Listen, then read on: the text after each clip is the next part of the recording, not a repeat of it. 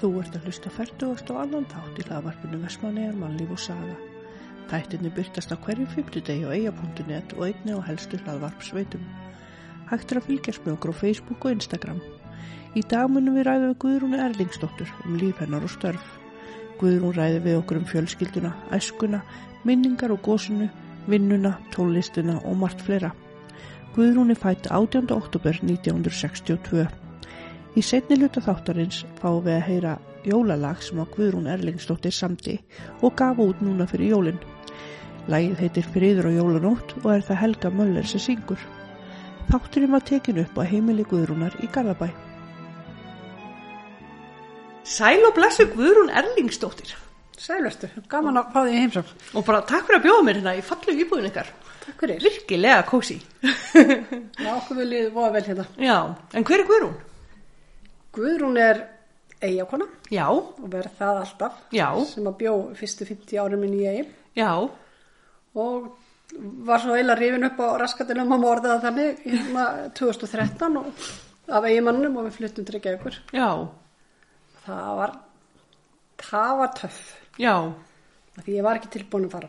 já, En það hafa allir gott að því að flytja Já. og skoða eitthvað annað og kynast eitthvað nýju. já, mikka sjóndildarhingin. Já, Mm. þannig að já, það er hérna já, ég fætti í eigum 1962 þannig að ég er svona, var tíu ári í gósinu Mm. og já, hvað viltu fara alveg bara hvar ég bjó og bara eins langt og þú vilt fara og... já, já, ég, hérna ég er svona, kannski mann mest eftir mér og, og mestu vinningarnar frá eigum eru þegar maður er allast upp upp á höðavegi já, þá við fluttu þangað reyndar 72 mm. minni mig frekar en 71 og hérna svo bara var maður í skóla og það tók þetta hefðbunna líf og vann svo í fiski og, já, og svo, já, svo ætlaði ég nú að fara í sjúkrilega skólan þegar Já. ég var 17 ára með yngi brugu þórar og fleiri góðum já, en þá var ég nólétt já, ok, og hérna fekk ekki að koma í skólan mm. það hérna, að þú varst ofrísk eða? já Já, ok, Ég ætlaði sko að, hérna, að ég átti að eiga hann í ágúst, Já. strákið minn, uh, og ég ætlaði hann að vera í skólanum fram í ágúst og þá áttum að taka líka eitthvað verklegt. Já. Síðan áttu að koma að þryggja að fjóra vegna sömafrí og þá ætlaði ég bara að eiga barnið og mæta það aftur í skólan. já, Þegar það var búið. Það þá var mér bara tilkynnt það að ofriska konur verið eða stúlku verið ekki velkonur í skólan. Og, Já. hérna- og þetta er eh, 1979. ég sérstakt, Já, þannig að ég ákvað bara að að vera ekkert að fara í þá, eða ég þúst ég hafði Já, það já. getur alveg þannig að ég bara eh, fór bara að stopnum þetta í heimili eins og við gerðum út í eigum á þeim tíma þegar ekki var framhaldsskóli. já, Ég reynda náðu tve- einu ári í framhaldsskóla, já, þá þá var hann að by- byrja sko, já, sem skipti náttúrulega miklu máli. einmitt. Um, já, Hvað varst þá gömul þegar þú fórst að búa? 16, Já, nei, nei, jú, ég fór búið 70, 70, allir hafa ekki verið, s- jú, ég var 16. já, Nei, já, ég er á 17. ári já, og átti svo strákin á 17. ári. já, Okkur, Gilva fannst alveg tilfælega að trúla okkur á 16 ára amalstæði minn. já, Maður var svona fullarinn svolítið fljótt já, og hérna, já, já, það var, en það var bara alltaf ótrúlega gott að alast upp í eigin. já, Það er það. Svona mikið frjálsræði og, og hérna, þú veist, ég var í skátunum og var nú bara mjög fjölhafur varamaður á, í handbaltanum. já, og það kannski ekki eins langt sem ég langaði í því en ég hérna já, og maður var svona þetta mikið hjá ömmu og heimangöndinu fyrir gos já, og nýr á pet og að leika sér þar sem að og í sundlauginni mm. og lappaði svo í voksabakari eftir sund og fekk gefis normabröðskorpu já, sem var, eða svona afskurða normabröði sem Já. var svo gott þannig að hérna, það var hérna fór svolítið mikið í gósinu og, Já. og, og amma fór líka og kom ekki aftur og það var, það var rosa erfitt já, það var svona að vera, já, með því verra að hún skildi ekki koma aftur og treystu sem þá bara ekki tilbaka eða, nei, þau áttu hús á heimgötunni sem Já. að eiginlega soðnaði æj, æj, já, og hérna, ég held að það hafi verið nýbúin að taka því gegn en brunabótumatni var náttúrulega Já. svo lí- lítið á þessum tíma og þau voru búin að fá hús á Eirabakka svona viðlæðshús einmitt, og ílendust þar já, þannig að það var hérna, það voru margir ábyggla sem að hugsa ég sem að kannski hefði vilja koma aftur sem bara í rauninni tristur sér ekki til að rífa sig upp aftur og, einmitt, og byrja að jafnvel upp á nýtt sko. já, já, við erum búin að koma svo ágætlega fyrir og, Já Mm. Ég er enda náttúrulega spurði þau aldrei ekki frekar heldur en, þú veist, rætti það ekki við þau frekar heldur en aðri rættu Nei, mitt. saman um gosið af hverju fólk komið af hverju já, fólk já, kom ekki sko. einmitt, þannig að það var bara fór sína leið. já, En hérna, hverja manna ertu? Eh, pappi minn heitir Elling Pétursson og hann er sem sagt hann, amma afi héttu S- Pétur Sigursson og Guðrúi Rólastóttir Pétur og Gugga voruðu kölluð Já, Pappi á fimm systur og það búa tvær ennþá ég um, Já, Svana ok. Péturs og, og Ingibjörg Pétur já, og náttúrulega eitthvað af frængu mínum og, og hérna, mamma heiti Jóhanna Guðrún Jóstóttir og hún er fættist ég um að bjóra það fyrstu tvö árin ok, en svo kom hún 17 ára eða 18 ára til eiga og kynnt pappa og, og, og við fættist þarna þrjú sískina á þre, fjór, byrjum við, frá 60 og 1 til 65 já, já, Þannig að svo kom sýstir okkar tólónu setna. Eftir, já, ok, þannig að það var hérna, mamma var svolítið í leikvilaðir heima. já, Það var mikið bara heimavindi. Pappi var skiptjóri já, ok, á hérna, þá nokkrum bátum endaði síðast á Freyjari. já, Áttatífambili Surtsey vaffi. Tvö sem var hérna með einari ríka sem kallaðar var. já, Og ég fekk þann heiður þá að, að hérna skýra bátinn. Það Já. var mjög sérstætt. já, það var búið að segja með það að ef að flaskan, brennisflaskan brotnaði ekki á, á stefnu já, að þá myndi ógæfa dinja yfir skipið og áhafnina já, ok, ég var held ég tí ára, Já. nýja tí ára og ég var svo alltaf ekki að hafa það á samviskunni að, með guð, minn góður, að brjóta ekki flöskuna þannig að ég skellti henni svo fast að mamma sagði um og hún sagði ég var vissum að þú hefði farið með flöskuna frekar heldur en- ætlaði að láta hann brjóna, já, einmitt þannig að hérna, já, maður er bara alveg upp á svona típisku sjómanna heimili já, þar sem að pappi var bara út á sjó og, já, og mamma var bara heima einmitt, og svo var þetta svona tvöfalt heimili já, mjög svona uh, frekar leiðilegur svona hverstasmatur þegar pappi kom í land og, já, og svo bara kókapuff þegar hann fór á sjó já, fréttirnar í hátinu þegar hann var í landi og enginn mátti segja neitt já, en bara country music í hátinu þegar mamma var allt svona léttara, Já, þannig að við lifðum svona svolítið djekkil og hækil í já, eins og margir, held ég, Já. sem, sem búa sjómasemmili. einmitt, algjörlega, en hvernig eru fjölskylduhæð þínir? Þegar ég er ennþá hérna með gíla mínur, ég kynntist ég á 15 ára Já, og hérna, við erum búin, erum búin að vera saman núna í 44 ár já, og við eigum þrjú börn. Mm. Elling Þór er elstur, hann er 41 árs, Já. hann er flugstjóri hjá Atlanta.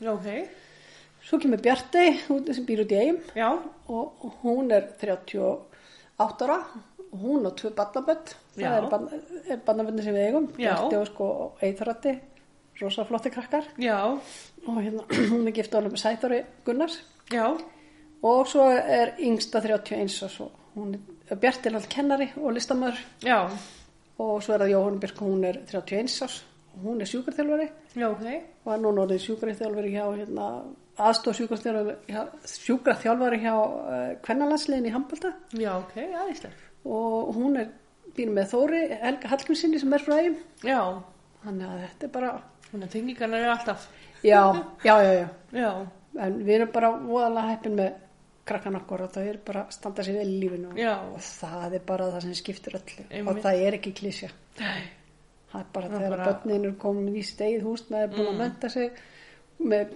í vinnu sem þau eru ána með einmitt, að það þarf ekkert mikið mér já, ef við erum hamingisum þá bara já, er allt gott. já, já, það sko. sjálfsögðu það sk- En hvernig barn og úlingur varst þú? og ég var rosalega stilt Já, ég var það, ég hérna var já, ég myndi segja það samt var ég svolítið- held ég svolítið gaur sko þegar ég var yngri þá var til dæmis fannst mér mjög gaman að að skrýða bak volju tanka þannig að mamma sagði það oft þegar við fórum út sér skilina þá fór, fórum við bæði rosalega fín út og hann kom að tandur hérna tilbaka bróðum minn sem er 11 mannum eldri en ég Já. og þetta er Pétur en, en ég kom dröllu skýtti tilbaka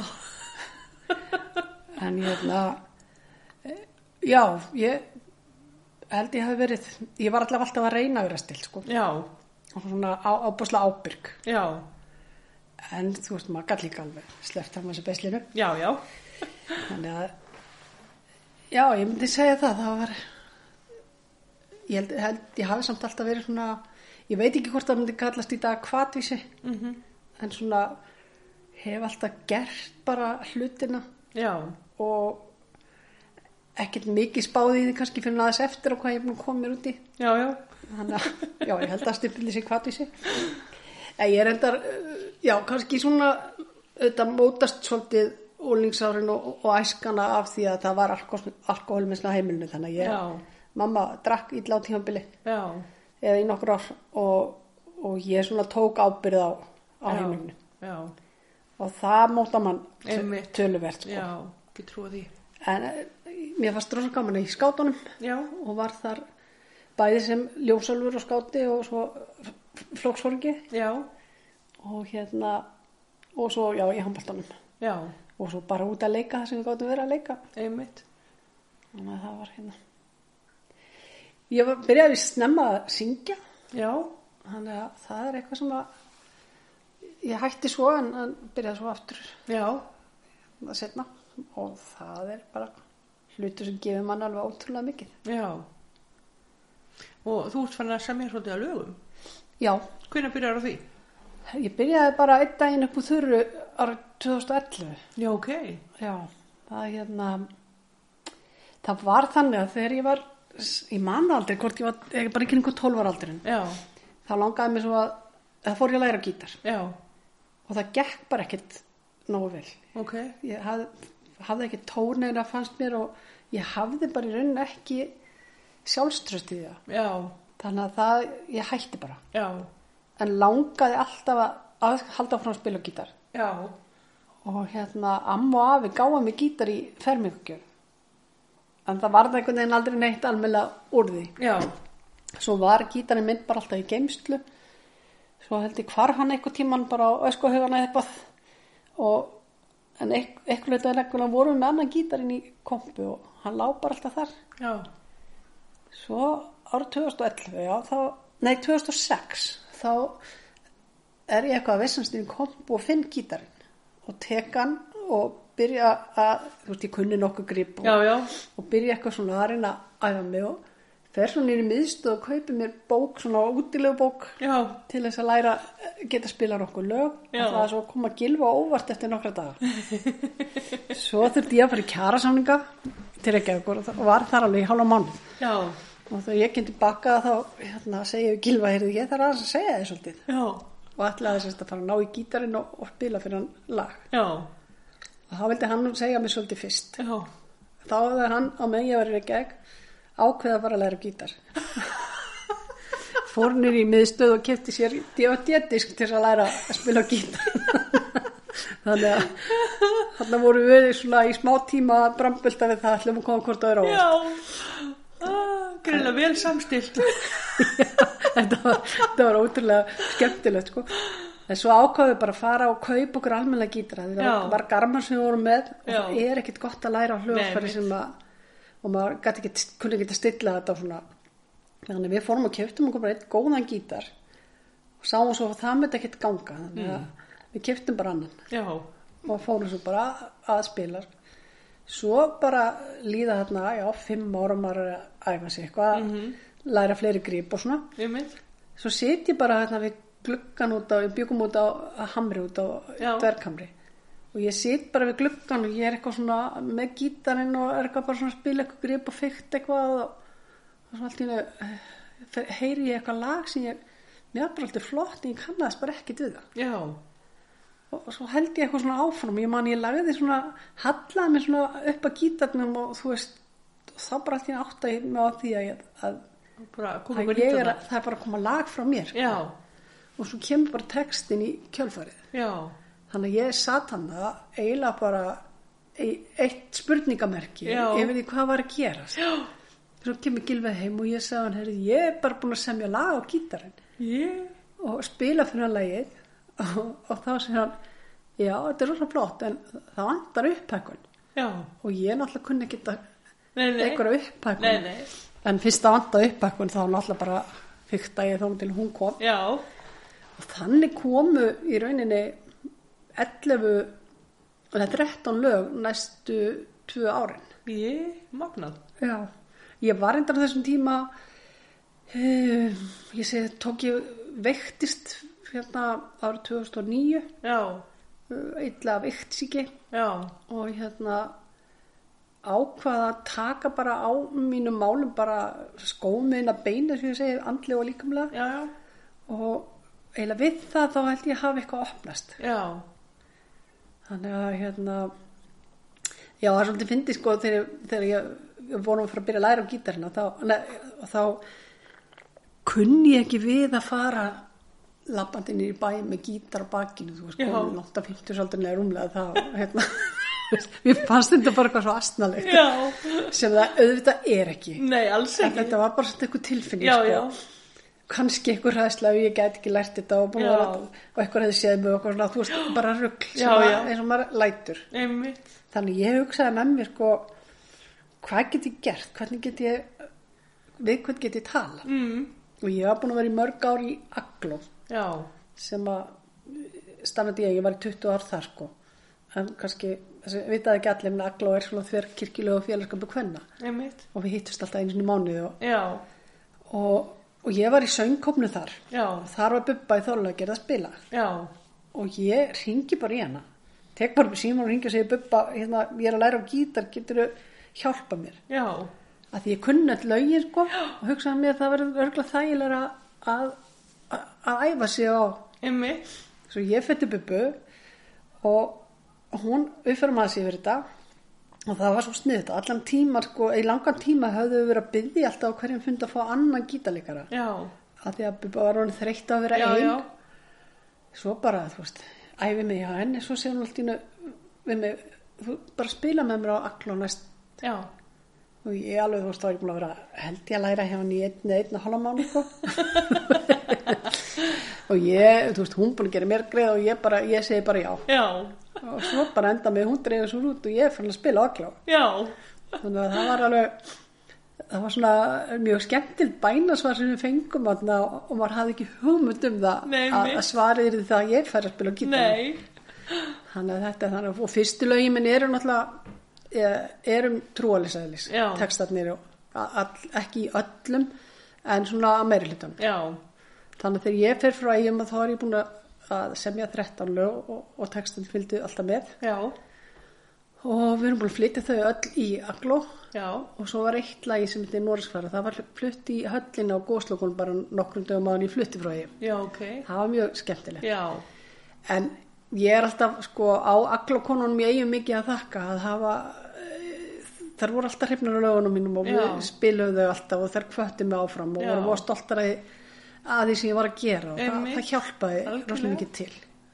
Svo náttúrulega hef ég alltaf átt stuðning frá Gilva í, já, í, í músikinu og svo Bjarti orð mín litla barnabandi mitt, hún var reynda lítil en hún var voru hrifin af því sem að minna var að gera já, og eitt skipti þá hérna er hún heima hjá mér, hún fekk alltaf að fara í bað þegar hún kom heim já, og þá baði mér stundum að spila þannig að ég satt bara á klósitinu og Já. spilaði fyrir hana á meðan hún var í baðinu nema svo er ég að semja eitt lag og, og hérna, það var svona svolítið þungur textin í því það var eitthvað svona brími slægir og lemur klettana og, Já. og úti að veða vond og eitthvað svona og, og síðan kemur sko var þá í textanum og svo kemur sólin já, en þá segir hún í baðinu amma þetta er svo fallegt já, svo fallegt lag já, og ég bara, já, það er alveg rétt hjá henni já, og ákvað þá að ég skildi búa til texta um hana já, að hún fengi þetta lag já, Mhm. og við bygg, eða, ég bjóti texta um svona bara þegar hún var komið heim svo til að mafa og, og svo bara hérna var hún nú aðeins fann að leiðrétta textastundum og svo svona eftir því sem hún uh, varð eldri þá breyttist hann þú veist, hún visst að hún búin að missa tennutnar og svo Já. elda að hún komið fullarist tennur Já. og orðið stór þannig að ég flutti það lag svo að tólingu sem ég held já, þannig að það var svona það, var svona það sem að já, þetta bara gerðist eitthvað svona Já. og, og ég bara eitthvað neginn af því ég hef ekkert litið á mig sem ég er náttúrulega ekki mentu í tónlist nei, nei, ég get ekki ég get skrifa niður gripin, einföld grip og gítar Mhm.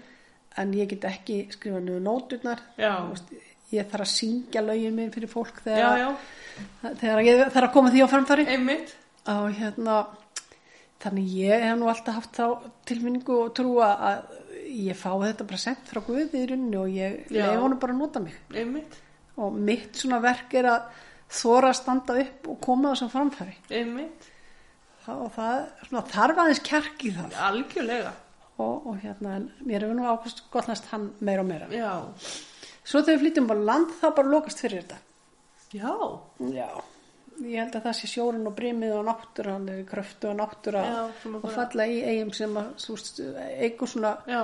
sköpunarkraftin hjá manni einmitt, eða fyrir náttúrulega utan auðvitað var erfitt að flytja og það Já, já, allt saman sko, já, já. þannig að það gerist ekkit í rauninni í eitt og hálft ár já, þá flytjum við út á Altanes já, og þar var stutt í fjöruna já, og þar koma fjögulög já, ok, og svo hef ég samið eh, eitt lag hérna, nei, tvö lög hérna og, og reyndar upphækkun nei, hérna, viðlagi á jólalagi já, sem ég var að gefa út já, það sem, sagt, sem ég út á Altanesi árið 2015 verkan 16 það skiptir ekki máli uh, þá er ég bara að sitja inn í stofu og mér er leit út í gluggan og þú veist það er bara stjörnubjart og það Já. er snæfið þakkið og, og það- eins og textin segir í læginu sko einmitt, og hérna og ég byrja, sem sagt, byrja að að spila lægið og síðan síðan það ég textan svona til mínu eða samhliða og þá ákvað ég að ég ætlaði að gera þetta að svona jólabóðskap skilur, ekki Já. jólalag sem eru alveg góða gild en Já, já. um hopp og hí og, Já, já. og stress og svona dóttari heldur kannski bara frekar um það sem jólin fjalla já, en textin getur samt líka verið ástarsaga á jólanótt ef að já, já, ef að fólk vil það svona, Einmitt. svona verallega eða andleg já, ástasaga já, en viðlagi kom ekki já, ok, en textin var til staðar í viðlaginu Já. en, en viðlagi kom ekki nei, svo flyttum við hingað og, og hérna og svo er COVID í fyrra mhm, -hmm. og þá ákvað ég að nota COVID-ið og, og læra á píano já, þannig að ég fjárfyrst í, í hérna svona hvað heitir þetta? Pí- Hljómborði já, og, og fór svo að reyna að byrja að æfa mig á, á, hérna, á það og einn daginn þá er ég eitthvað að taka upp jólulegið mitt það var ekkert fyrir jólulegið svolis að þá bara s- klára ég að semja það á píanoð og það Mm. var mjög skemmtilegt af því öll önnulög, önnulög er á gítar já, og ég náttúrulega, þú veist, ég get ekkert skrifa niður hvernig nei, nei, hvaða nótur ég nota Nei. þannig að ég bara bara hérna söng það fyrir Já. góðan vinn og fekk hann til þess að setja þetta upp og hvað, tekur þú svo upplögin til þess að, eða bara mannstuður alveg, Nei, ég, hérna, nú er ég svo forvitin, já, nei, nei, ég er bara með iPadin minn eða síman eða eitthvað já, og þegar þetta kemur yfir mig þá tek ég það upp og hérna, til þess að gleyma ekki því sem er að koma, en það er náttúrulega ekki þannig að það hljóma kannski þannig eins og þetta komi bara allt og sé tilbúið, já, en það gerir það í rauninni ekki, það kemur ákveðin svona ákveðin tónar fyrst og svo hérna, uh, svona eiginlega, já, ég veit ekki hvernig ég á að lýsa því, kannski meira eins og eins og bylgjur eða eitthvað, þessar reyfingar Já. sem að ég, þú veist ég, ég, hérna, já, það er rosa skrítið að, já, og svo, svo kemur þetta til maður og svo byrja maður og svo náttúrulega fer þetta hans að þróast þannig að Einmitt. það er aldrei nákvæmlega eins og fyrstu hljómanir sem ég fæ heldur Nei. heldur þróast lagið og síðan að því ég sem textana með eða á undan Mhm. -hmm. að þá hérna e, breytist lagið í takt við textan ef hann er undan eða textin breytist í Já. takt við, við lagið sko. já, og, og ég, það er eins og út í eigin þá kom þetta eiginlega bara svona á færibandi það kom hann að fyrsta lagið og svo kom annað lag stuttu setna og svo kom þriðja lagið þá var ég á leiðin frá Reykjavíkur, Reykjavík já, og ég er að fljúa og þá kemur bara þessi texti, ég flýg yfir hafið, Mm. ég sigli yfir sæ, æ, þú með vendar í borgin sem bæ. Já, ok. Með þetta lendi ég, það var svolítið svona röf viður eins og Já. ekki sem verið og með þetta lendi ég og kem heim og, og hérna og sagði náttúrulega gilfa að ég, það er engin matur eða þú veist hann er að sjá um það ég Andin er bara yfir. já, andin er bara yfir Já, mig. einmitt. þannig að þú Ég veist, er þú, þú æðisleg. kláraði ég það, það lag bara Já, mjög fljótt og vel sko og einu sinni er ég að fara að sofa já, og þá horfi ég út um gluggan og þá var svona stjörnubjart já. og þá kemur þessi setning stjörnur á himninum glitra mm. mánin á hafliti skín tungl Já. skein svona og þá settist ég bara við gluggan og þú veist, og þá var bara að byrja að Einmitt. koma að laga texti ég vandræðilegast held ég er þegar ég var stödd á, ég var á fundir ekki og stödd á Hotel Natura sem heitir núna Já, og ég er, er, er rosa þreytt eftir daginn eitthvað og fyrir í sund já, og í sturtunni byrjar bara að koma lag já. og ég, hugsa með mér, ég, veist, ég get þetta ekki þú veist, ég get ekki fara að semja núna og þá var ég ekki með gítarinn Nei, ég mitt. hef alltaf áður saman með gítarinn og, og ég, er svona, ég fer bara í sundlegina þú veist, og fer að synda, þetta hlýtur að hætta og nei, nei, það hætti ekki neitt svo ég fór í heitapottin og það held áfram ég hugsa með mér að nú fer ég í guðbæði, það er ekki hægt að hugsa í guðbæði en það held áfram sko. Já, ok. Þannig að þegar ég kom heim þá, þá þurfti ég bara að setjast í gítarinn og reyna að finna hljómana sem Já, að, sem að tók, voru- já. og það tókst nú fyrir resko. Já. En Ég, s- magna. Já, en svo hefur þetta nú aðeins verið að breyta sko uh, með þessu með jólalagið og, og þessa uppakku skilur Mhm. mm þá eh, með, á píanónu og svo reyndar ákvæði að semja svona góslökalag -hmm. Mhm. og, og ég gerði það þá það er svona eina lagi sem ég held ég hef ákveðið hvernig ég vil láta hljóma Já, þú veist það var svona það kom ekki til mín að fyrra bræði Nei, einmitt. en um leið og ég byrjaði þá, þá var það fljótt að koma já, og þá fór maður bara svona í huganum heim til eiga Já. og þá kom textin náttúrulega bara skilur hann bara bunaðist já. út og svo gerði ég líka að senda í keppni þannig að lag við, við ljóð Hannesar Hafstein Já, ok. og ég samti það líka á píónuð Já, þannig að það er bara svona gaman að geta gert það algjörlega. og bara þess ég sem að gera meira þá, þá svona, auðvitað kannski leikur þetta aðeins betur í höndunum á mann Já, mitt. en maður getur verið heilengi að klára síðasta púslið Já, en allavega svona lag og texti verist oft falla bara mjög vel Já. saman svo hef ég verið að syngja í kórum og það hjálpa mann alltaf líka einmitt. að ná svona betri færni með að, að heyra tóna og, og það Já. allt saman og lesa náttúrulega nótur líka Já, þó ég sé ekki ennþá búin að læra að skrifa og það kemur ekkert dæn einmitt. Og ertu búin að gefa útlögið þín? En Þetta jólalagi, það er Já. fyrsta lagi sem ég svona gef formlega út Ok. en árið 2016 þess, það var svo skrítið að þegar ég bý eigum þá átti ég tvo drauma Já, og það var annars vegar að fara í háskólanám og vera bara í staðnámi já. og hitt var að syngja í gospelkor Já, ok.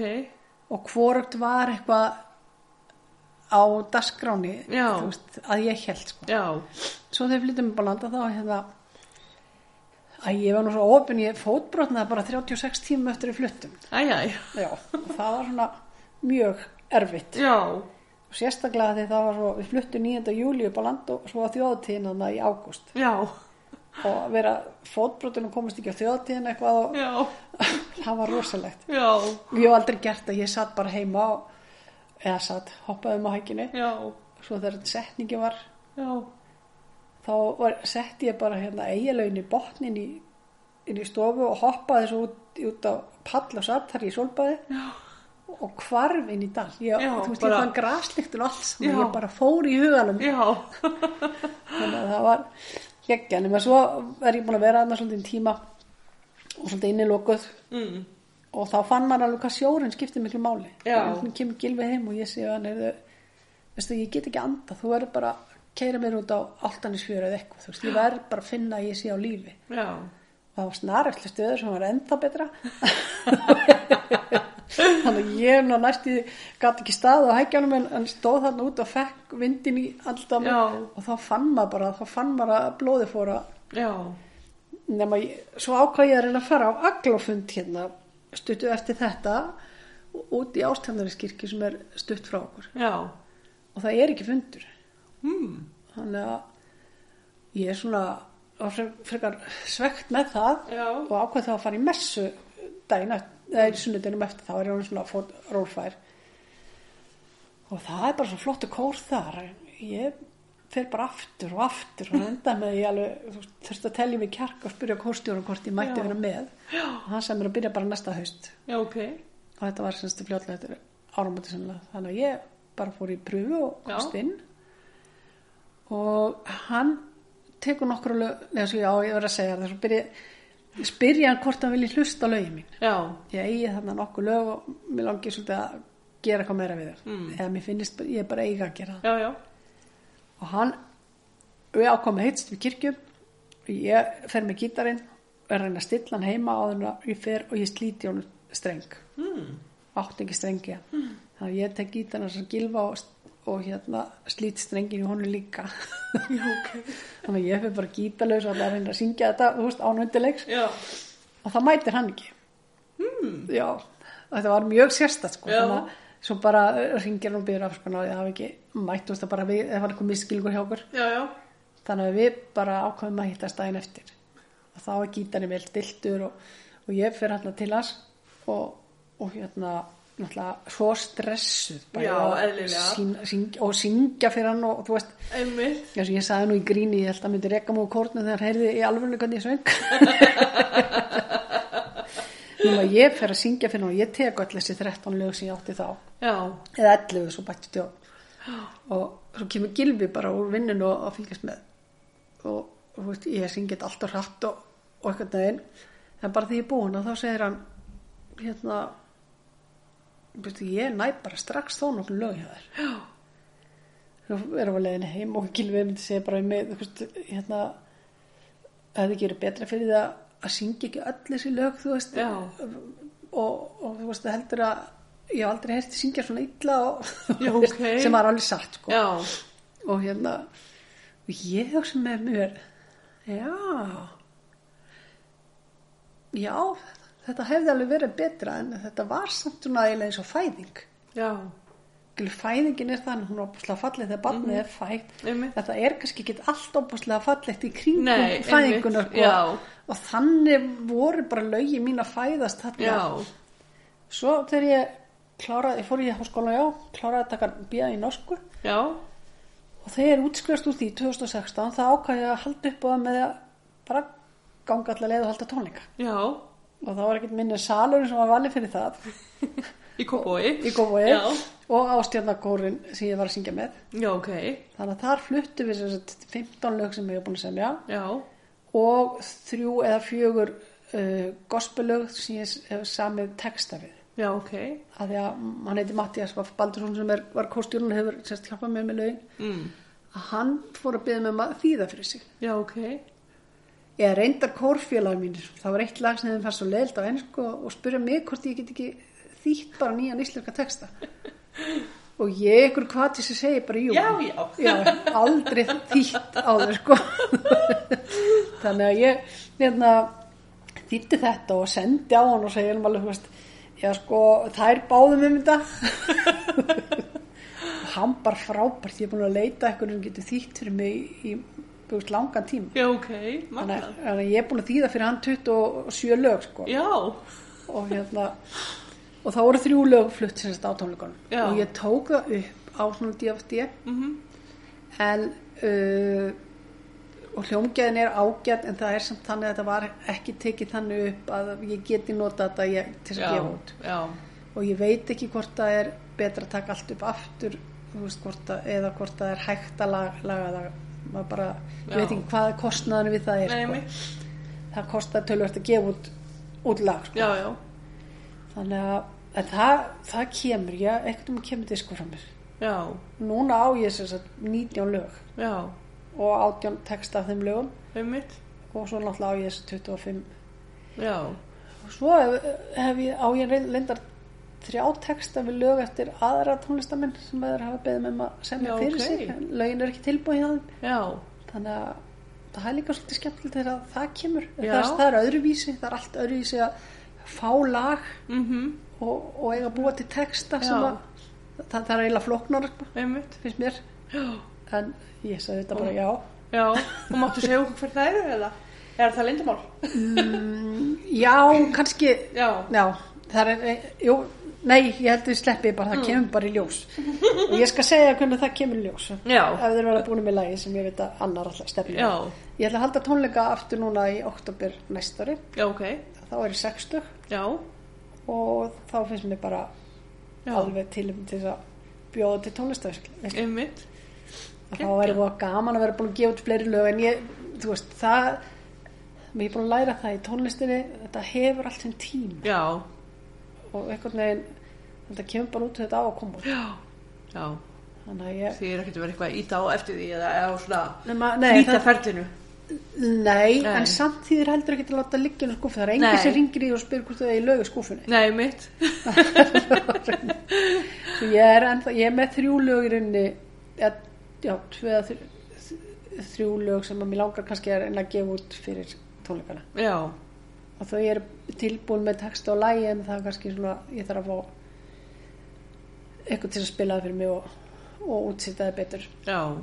það er hérna ég er auðvitað kefti mér græjur í fyrra til þess að reyna að geta útsýta en en hérna, eftir svo í vinnuslýs og gati ekki nota öxlina í marga mánuði þannig að ég Já. hef ekki náð að þjálfa mig upp í Já, En það væri já. rosa gaman að geta svolítið gert meira sjálfur Einmitt. þannig að Og hvernig Eh, er að ná í fólk til þess að uh, útsetja á svona? Er Sko, það ég- ekkert vandamáli að? Nei, það var náttúrulega, hefur- þú veist, Matti er náttúrulega búin að vera frábær. Já. En svo þegar ég fór að stað með þetta lag þá var hérna hann heiti Snorri Karl við höfum verið sérst, að, að, svona að vinna saman aðeins Já. og hann var búinn að útsýta lagið mitt jólulagið að hluta Já, ok. og ég ákvarðindar að taka þátt í jólulagakefni rásar 2 Já. og þá þarf þetta að vera búin að gera lagið klárt í spilunar í útvarfi Ok. og þá varði ég náttúrulega að fá eitthvað sem gæti unnið þetta hratt og vel Já. og ég talaði við einn tónlistamann sem benti mér á annan og hann benti mér á þriðaberð þegar hefðu ekki tíma Já, já. að því ég tók þess að ákvörðin í desember sem svona stundum Já. gerist aðeins og hérna lendi þá á alveg rosalega flottum strák sem heitir Helgi Reynir Jónsson Já, ok. og hann sem sagt bara s- sendi mér póst og spyr hvernig sérðu lagi fyrir þér Já. og ég segi hún það og hann sendi mér aftur póst í- þá detti mér þetta í hug Já. og svo bara sem sagt, ég hef aldrei hitt hann Já, ok. og svo langaði mig bara að og hann spilar á öll hljóðfæri þannig að hann sá alveg um undirleikin mm. og, und, og bakrættinar Já. svo hérna langaði mér að að hafa Helgu Möller Já. þannig að ég náttúrulega bara sendi henni skilabóð Já. og spurði hvort að ég geti fengið henni í vinnu við að syngja lægið mitt Já, ok. En hún baði bara um að fá að sk- skoða þetta aðeins Já, já. og svo sá hann bara já Kekja. og þá var þetta sett bara í, í gang og svo sendi hann þetta reyndar í masteringu og annast, annað Já, já. þannig að hérna þannig að lægið var bara tilbúið tveim dögum áður en að frestu til að senda inn jóla keppnur að nút og ég sendi lægið inn en það komst ekki áfram Já. sem ég segja sér bara mikil synd Já. Þetta er virkilega flotta. já, ég, hérna það er svona, maður er alltaf óþektur og, Já. og misjafsmekkur bara fólks Já, já. er allavega er þetta mm, ég veit að það var spild á lindin á mándaginn Já, ok. og ég er búin að vera að reyna að koma svo út á stöðna það hefur ekki Já. gengið hingað til en ég er ekkert hætt Nei, nei. og það er í þessu, þú verður bara ég syns ég, það er ekki sem kemur og segir ég skal Nei. hjálpa þér Nei. en það er allir tilbúin að hjálpa þér eða vinna fyrir því að maður byður um það og, Já, og já. svona nokkurn veginn veit koma vill Já. Já. En svo hefur maður einmitt heyrt að, að hérna, það sé mjög erfitt að koma lögum í spilum. já, það er það það er alltaf bara er auðvitað ákveðin það er alltaf ákveðin tími bara sem vektir að spila og Já. það er um, út af stöðunum alltaf vilja spila það sem að til þess að fá hlustendur og Já, já. það allt saman en, en hérna það er alltaf syndi ef að það eru svo fullt af góðum lögum og textum og hérna- Algjörlega. ég fá ekki að njóta sín Nei, sko. mitt. Þannig að þetta er bara það verður gaman að sjá hvað mann þetta er í næst Já. kannski verður að spila trommur bara Já. Þannig, gilur minn, ég var að kaupa mér hérna trömmu sér. Þú er að hjálpa mér með einn. en núna er ég að spila er ég, er ég að syngja í tveimukórum Já, ok. ég er að syngja í rockkór Íslands Já, er það ekki gaman? það er gegg Já. það er, það er rosalega krefjandi Já. og við vorum með, með tónleika í hörpun núna í lok nóvember Já. og seldum upp bara áður en að að seldist upp bara mjög fljótt já, og það var, það var svo gaman að geta farið að syngja aftur Já. saman sko, því að söngurinn er bara gleðipillar sko. já, og svo er ég að syngja í kór sem er tengd um bústæðakirkju eða þess að þetta er æfir í bústæðakirkju sem heitir Vox Gospel já, ok, sem er gospelkór og, og hérna Matti stjórna þeim báðum já, og ég er svona grúppi hann hans og eldan út um allt fylgi bara með.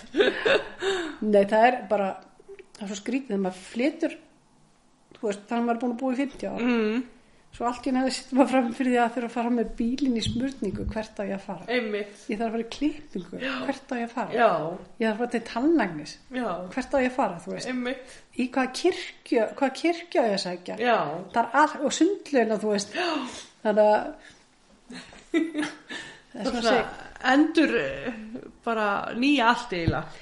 Já, Já. Og, og þú veist, auðvitað er þetta sama tungumálið og það er Já, skrift já. í allt og svona, en þetta er samt alveg ótrúlega mikið breyting. Já, Og það sem ég sakna náttúrulega alltaf mest frá ægjum er náttúrulega eh, Bjartey mín og, og sættur og krakkarnir, Einmitt, sko, einmitt. og svona vinnir og ættingjar eh, já, og náttúrulega náttúrunar. mm, Mér finnst bara, þegar ég fyrir til eiga þá fyrir ég oft út á, út á hérna, út í klauf já, og stend hérna við, við hérna, hérna ræðin gæta spilið, já, já, ræðingar, já, já, Brimurðina. já, og eiginlega bara hleð, mig- hleð mig já, og svo steinstaðarúndunum, ég veist enga göngulegir til nema hann þá var ég- og og alltaf var mjög erfiður oft já, já, en það, mér fannst hann oft svona eins og lífið sjálft þú veist, Já. Mhm. það eru brekkur og það kemur kvíld og einmitt, svo kemur koma dalir og það fyrir aftur brekkun og svo Já. kemur aftur kvíldin og, og þú já, veist fara vindin í fangið. vindin í fangið og vindin í bakið þú var, þú Já. veist, við undir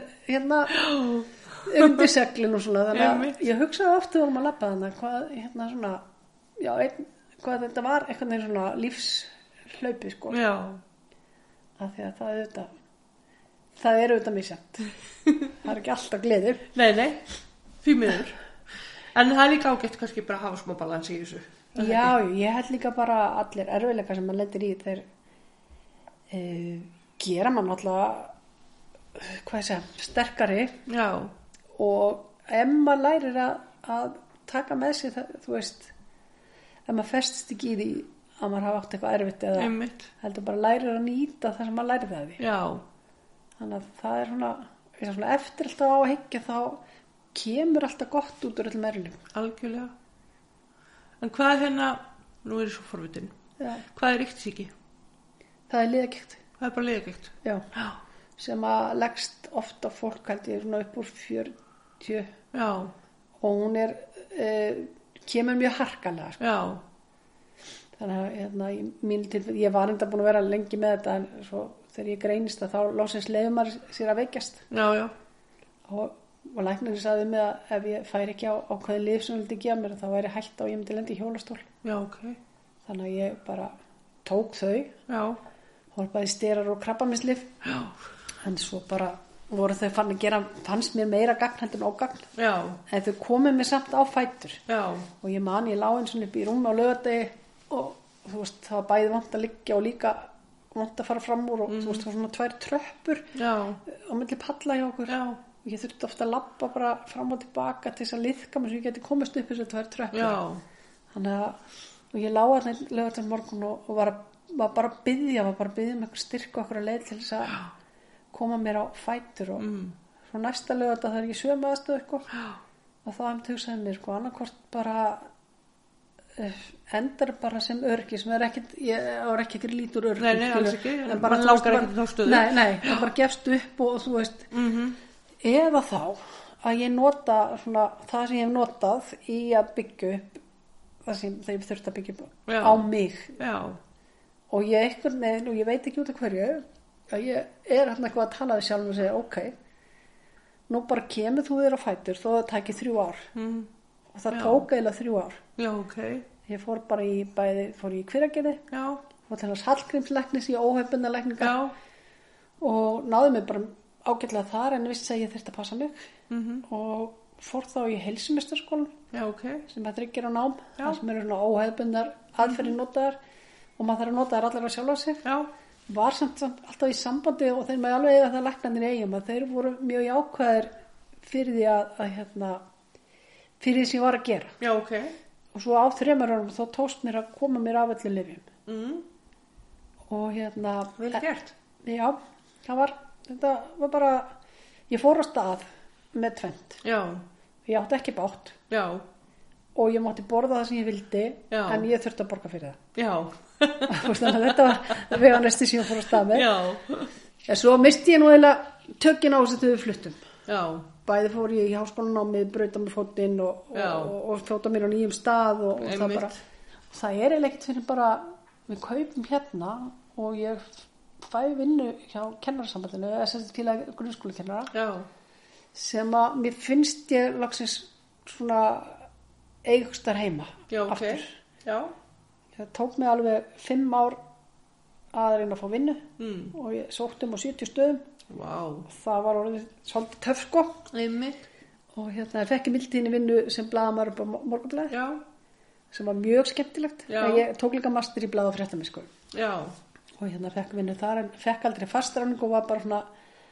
alltaf hlaupandi já, og, ok, orðin já, bara, svona frílans bara eða, Já. já, og er, í rauninu, fannst ég bara orðin og gömult til þess að vera að vinna allar helgar og allar rauðadaga og all kvöld langaði það bara ekki einmitt, og þegar maður er búin að koma sér betur fyrir að þá vill maður ekki eða lífin í það já, já, þannig að þá bauðst mér að vinna hjá félagi grunnskólakennar já, og, og þáði hana og þú veist var svo fastur á þar og, og við erum aðeins kannar náttúrulega tókum þessi íbúi í gegn þegar við keftum hana en Já. erum svo búin að smíða pall og, einmitt, og svona, loksins finnst mér ég já, til er eitthvað stær já, en annars var maður bara einhvern veginn alltaf bara eitthvað rótlaus eða, eða svona, já, já, þannig, rótlös, já, rifin upp með rótum já, og það það tekur bara tíma ég er Mm. ekkert viss um maður ég veit ekki hvort það festast í Garðabæ eða Nei, nei. hvað sem ég verð sko, en, en hérna og, og ræturnar eru náttúrulega alltaf í eigum já, já, og tengingum verður alltaf í eigum og ég Já. er alltaf eiga manneski og það verður, ég verð aldrei neitt annað nei, en ég þú veist, veit ekkert í dag hvort ég myndi fara aftur tilbaka nei, ég vil alls ekkert útiloka það nei, nei, en ég, þú veist, hérna er ég með kórastarfin mitt mm, hérna er ég með vinnuna sem ég er með þú veist, maður er að kynnast nýju fólki já, og hérna svona, þú veist ég þóla hann alltaf umfyrirna Nei, nei. hún er alveg mannskemmandi en hérna já, hún er, mér, mér finnst það sko og ég sakna margs í eigum en, já, en það er líka svona ímsi hluti hérna sem eru, eru góðir já, já, það eru kostur og gallar í öllu þetta bara, það er það, já. Ég held samt að lífið sé alltaf, það er einfaldara og, og hérna, og maður hefur meiri tíma út á landi, já, en á móti náttúrulega þarf maður ekki að ferðast eins mikið nei, nei, og það er bara eitthvað, ég skil það alveg núna að það sé lengra til eiga heldur en frá eigum. já, Af því þegar maður bjóði í eigum, þá letur maður sér fa- hafa því hvað það er Já. sem er að fara, mhm, bara því að maður vissi að maður gerði það ekki, þá myndi maður Já, einhvern já. veginn bara einangra sig út í eigum. já, já, en þú veist ég fer ekki með herjul úr, úr þálarsöfn og ég fer ekki úr landaðahöfn ef að nefnum maður sé örgur ekki nefnum að komast tilbaka já, mælin er bara fylltist já, Mm. Skilur, og maður finnur það ekki eins mikið eins og það maður er farin, ég veit ekki hvort að hvort að fólk skilur hvað maður er að reyna að segja Nei, en nei. það er bara einhvern veginn, þú veist bara, maður búin að keira svo af lengi já, ég er það líka, ég er orðin svona, landið er hafna dýfa, já, já fyrir helst ekki þólasöfn, nei, þannig að, það er ekkert skrítið þetta er að komið með þessa svona hvað er ég þetta önnur stutta sjó ég Já. er alltaf, líka alltaf, var alltaf sjóveik og já, já, feng, ég held þessi svo eina úr minni svona kjarn og uppröna fjölskyldi sem er sjóveik allir hinn eru og sjóhraustir ég veit Já, ekki- ok. veit ekki af hverju mér og ætla það hlutverka Nei, nei, bara skrítið. og maður sjóa þess ekki, það er bara svo skrítið Já, það er svolítið magna. já og ég fór mjög reglulega, var mikið að funda í Reykjavík og hún í Já, gegnum mitt, stör sko, já. þannig að þetta, nei, það gerast ekki Já. En hvað ertu að vinna núna við þá? Ég er að vinna sem hérna, rákjáð hjá félagi grunnskólakennar. Já, ok. Komið sem sagt, uh, ég var náttúrulega alltaf að vinna fyrir vestlunmenn út í eigum Já, mitt. og, og, og hérna skristofa fólk. En núna er ég komin í ofinbera gera, Já, að vinna fyrir kellarana. Svona í kjaramálum og, og hérna, bara, þetta er mjög krefjandi starf já, og mjög svona, hvað sem, maður eru gott að þessu starfi. já, Maður lítur kennara í rauninni allt öðrum augum og þeirra já, starf sem er bara mjög mikið álag að vera kennari. einmitt, já, gummingur, Og, og margar, sko, margar perli sem er í, Já. í, í ken, kennarastörunum. Sko.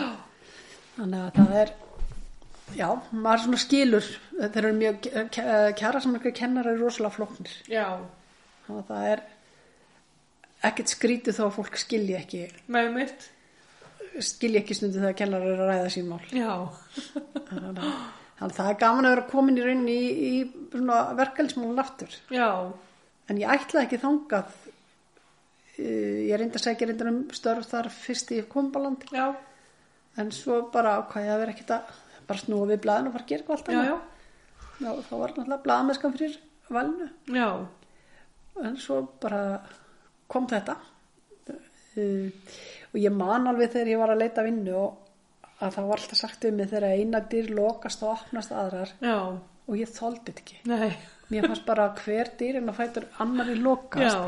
og ég grætti ekkert á því einmitt, að þó okkur að dyr myndi opnast eitthvað sinna já, að það er eins og með- sem ég var að segja við áðan bara það er alltaf eitthvað gott sem kemur út úr hlutum mm. og, og, og, þú veist, og hérna er ég bara stödd í dag já, svo, en við- þegar við seldum húsa okkur út í eigum að þá hérna, tókst þú bara að kaupa okkur lítinn sumabústað upp í Grímsnesi eða Já. hérna gesthús já, og það er voru gott að eiga aðdrepp þar, komast aðeins út úr höfuborginni, já, en við reyndar ekki búin að vera duglega undarfærið að fara kannski, ég veit ekki hvort að já, já, það bara hefur Já. allt sinn tíma einmitt, en það er gott að eiga þar geta komið bara og, Já. og hérna, í algjöra þögn já, bara aðeins í náttúruna og já, það er það sem ég ertu sakna alltaf. svolítið náttúrubann? já, Já, ég er það já, og örgulega miklu meira heldur en ég gerði mig grein fyrir já, en eins og Gilvi sagði þau voru flutt upp á land þannig að ég vissi ekki að ég væri að draga pissin út úr hólunni þú veist ég held samt sko að þegar maður er elst upp þessu við eigum með náttúruna svona bara í kringu sig þá kann maður ekki alltaf að metta nei, og ég man ekkert um að því ég bjóði þetta ásamur og ég var að keira heim úr vinnunni að þá er ég að horfa á sjóin og hann er svona, svolítið- svona röf sko já, og ég var þreytt og ég kem og um leið og ég horfa á hann og sé kraftin og þá bara finn ég hvernig krafturinn í mér já, jók sko. bara endur hlaðast, já, og þá ég man ekkert hvernig þetta var sko, en þá bara hann í fyrsta skipti vakna ég alveg við að og ég, vá, já, fór það bara að gefa sjónum gefa skíunum, gauðum, þú veist að, Já. að sjá hvernig svona, þú veist, læra maður smátt og smátt að sjá hvernig veðri verður já, já, og hérna, hvernig þetta haga sér og þú veist, hvað er í vændum þegar það er, er svona og finnst þið, Já, já. já, og þá svona bara læri maður að meta en ég held kannski sem vatna var maður ekkit spáði og alls Nei. ekkit sem úlingur og kannski ekkit heldur þegar maður var með krakkan litla og Nei, maður bara einmitt. spáði öðru já, þannig og að að gera á öðrum vikstöðum, já, það eru náttúrulega það eru algjör forrættið að geta verið í þessari já, bæði fallegu náttúru sem eru í eigum einmitt, uh, hún er líka grimm já, algjörlega, næst það, en svo er hún líka opbúslega mild og góð já, þannig að það er allt li- allt litróðana algjörlega, en hvernig fæst þér aðalast upp í eigum? mér fannst það gott Já, uh, eins og sé, fyrir utan alltaf bara uh, maður gerir sér alltaf greint fyrir því, sko meira og meira og, og ég nefndar gera það svolítið í kringu námiðt að, að svona að að gera sér greint fyrir hversu mikil áhrif gósið hafði já, og hefur í rauninni enn já, það er bara auðvitað var ekki að tala um það fyrst nei, nei, og svo já, það bara breyttist svo margt já, og það breyttist í rauninni allt einmitt, þó svo við kemum heim þá vorum við ekkert komin heim nei, og þetta var þú veist bara mjög erfiðu tími fyrir Já. marga Nei, náttúrulega bara ná, úst, umhverju náttúrulega breyttist alveg rosalega og, já ekki bara það, heldur breytist náttúrulega bara bærin já, það kom var ekki saman fólki já, já, já það var Svo ekki saman líka. bærin Já, sko. algjörlega, og það var, ég, þú veist, ég man alveg eftir eftir góð sem maður var að labba heim það voru allt eða þú veist, ég bjóð upp á höðavegi og það var náttúrulega ekki malbyggað og það var lítið á ljósastöðunum og það var allt fullt af vikri og, já, og hérna, þú veist maður bara var stundum auðmur á fótunum af vikrin sem fóru upp í buksunar sko. já og allt einhvern veginn svona kolsvart ég var nú auðvitað ekki myrkvælin en ég stundum söngi alla leiðin upp höfðavín að því að, bara, að því að já, já, það var frekar svona ógulegt ég mitt, en það var gaman að koma í skólan þú veist, það var Já. gaman að hitta krakkan aftur já, en það var náttúrulega líka að mörgulegt erfitt að koma í skólan að því að, að, því að þú veist þegar daginn eh, að, þess að þegar gósi byrjar já, þá eru fimm bekkir í mínum árgangi já, ok, og svo förum við og aðrir í skólanum Ég- mér skilst að ö, ég held að ég sé að fara rétt með að við fórum 100 eða 115 skóla sem eigaböld fór í já, og þetta er ekki á þeim, á þeim tíma er ekki samram námskrá nei mitt, þannig að við vorum til þess að læra mengi í eigum já, á meðan það var ekki verið að kenna þeim á landi já, ok, svo fyrir ég í breyðagrisskóla og, og svo veist, mörgum árum setna eða áratugum setna frétti ég að það voru, var jafnaldra mínu þar Já. við vorum, fengum aldrei að hittast þú veist, við vorum ekki settar í saman bekkin eða mm. Hmm. og lendi, þar lendi ég náttúrulega í hellingseineldi já, ok, fyrir það eitt að vera vestmanningur já, ok, og, og þá út á gósunu eða, eða já, út á gósun og, og já, það sem að ekki höfum átt nefna oft en, þú veist, líka bara því við vorum flóttamenn já, einmitt, og fengu bara sömu trakteringar eins og flóttamenn er að fá í dag já. margir rosalega góðir Já. margir sem hjálpuðu til Já, já. margir sem að lendu ekki í neinu já. en svo voru við líka mörg sem að lentum í já, og ég man alltaf að einu sinni kom ég í skólan það var búið að vera hérna, stríðamanni og, og svona meiðamann nema það er snjór og ég kem í skólan og ég bara, ég grýtt bara þegar ég kem oi, að því þá hafði ekkur kona held ég farið á í klubbin með svona ávísum rauðakrossinum já, og það kom í divaf mm, og það var kallað Vestmanniða styrkurinn Já. þannig þú veist ég mætti í skólan 10 ára hei, í rauninni byggum við inn á um og afa já, og, já, og þá bara en maður grýttu með snjókunum og þá var það Vestmanniða styrkurinn já, og það fer, sem sagt, það var ekkert gert í því fyrir ég fekk stein í augað já, að þá var, var þetta stoppað sko. svo fyrir ég í, í hérna, lögunaskóla næsta ár já, og þar lendi ég líka í einelti eða stríðinu eins Já, og það já. kallar sko. þannig að það var oftar en ekki kipt undan manni stólnum og svona oi, og svo fer maður til eigi aftur árið setna og þá eru bara tveir bekkir já, ekki fimm Nei. og ekki sömu bekkinir einmitt, og þá erum við búin að vera út um allt land hver að læra sitt þannig að ég held að í rauninni vant okkur helling upp á skólagönguna já, potjart sko, en það var hérna, það var svona held ég smá rebel í okkur þegar við komum tilbaka já, ég man einu sinni þá uh, fengum við ekki að fara í eitthvað, eitthvað ferð eða eitthvað ég man ekki hvort við vonum að taka prófi eða eitthvað allir aðri fengi að fara bara helgafelli eða nú man ég ekki hvað það var sko já, já, Ég man að við mótmæltum og sátum hann á kirkjuveggjunum og vorum að mótmæla já, og ætlum sko að standa upp í hárun og skóla stjórnum svo var nú eitt sem var alltaf svangur og skólastjóra var með töskunar okkar eitthvað hluta vegna þannig að samstæðan rofnaði af því að þú veist, menn Já. þetta bara að fá nesti sitt einmitt, en Já. það var hérna já, já, það mér varst bara þú veist, eh, að það var ágætt að eða það var bara gott að alls upp í heim já, já, þetta var náttúrulega, þú veist, mismandi hvernig einmitt, þetta ákveðin strín í gangi og svona já, já, þannig að það er en hvernig upplýður þú gósið?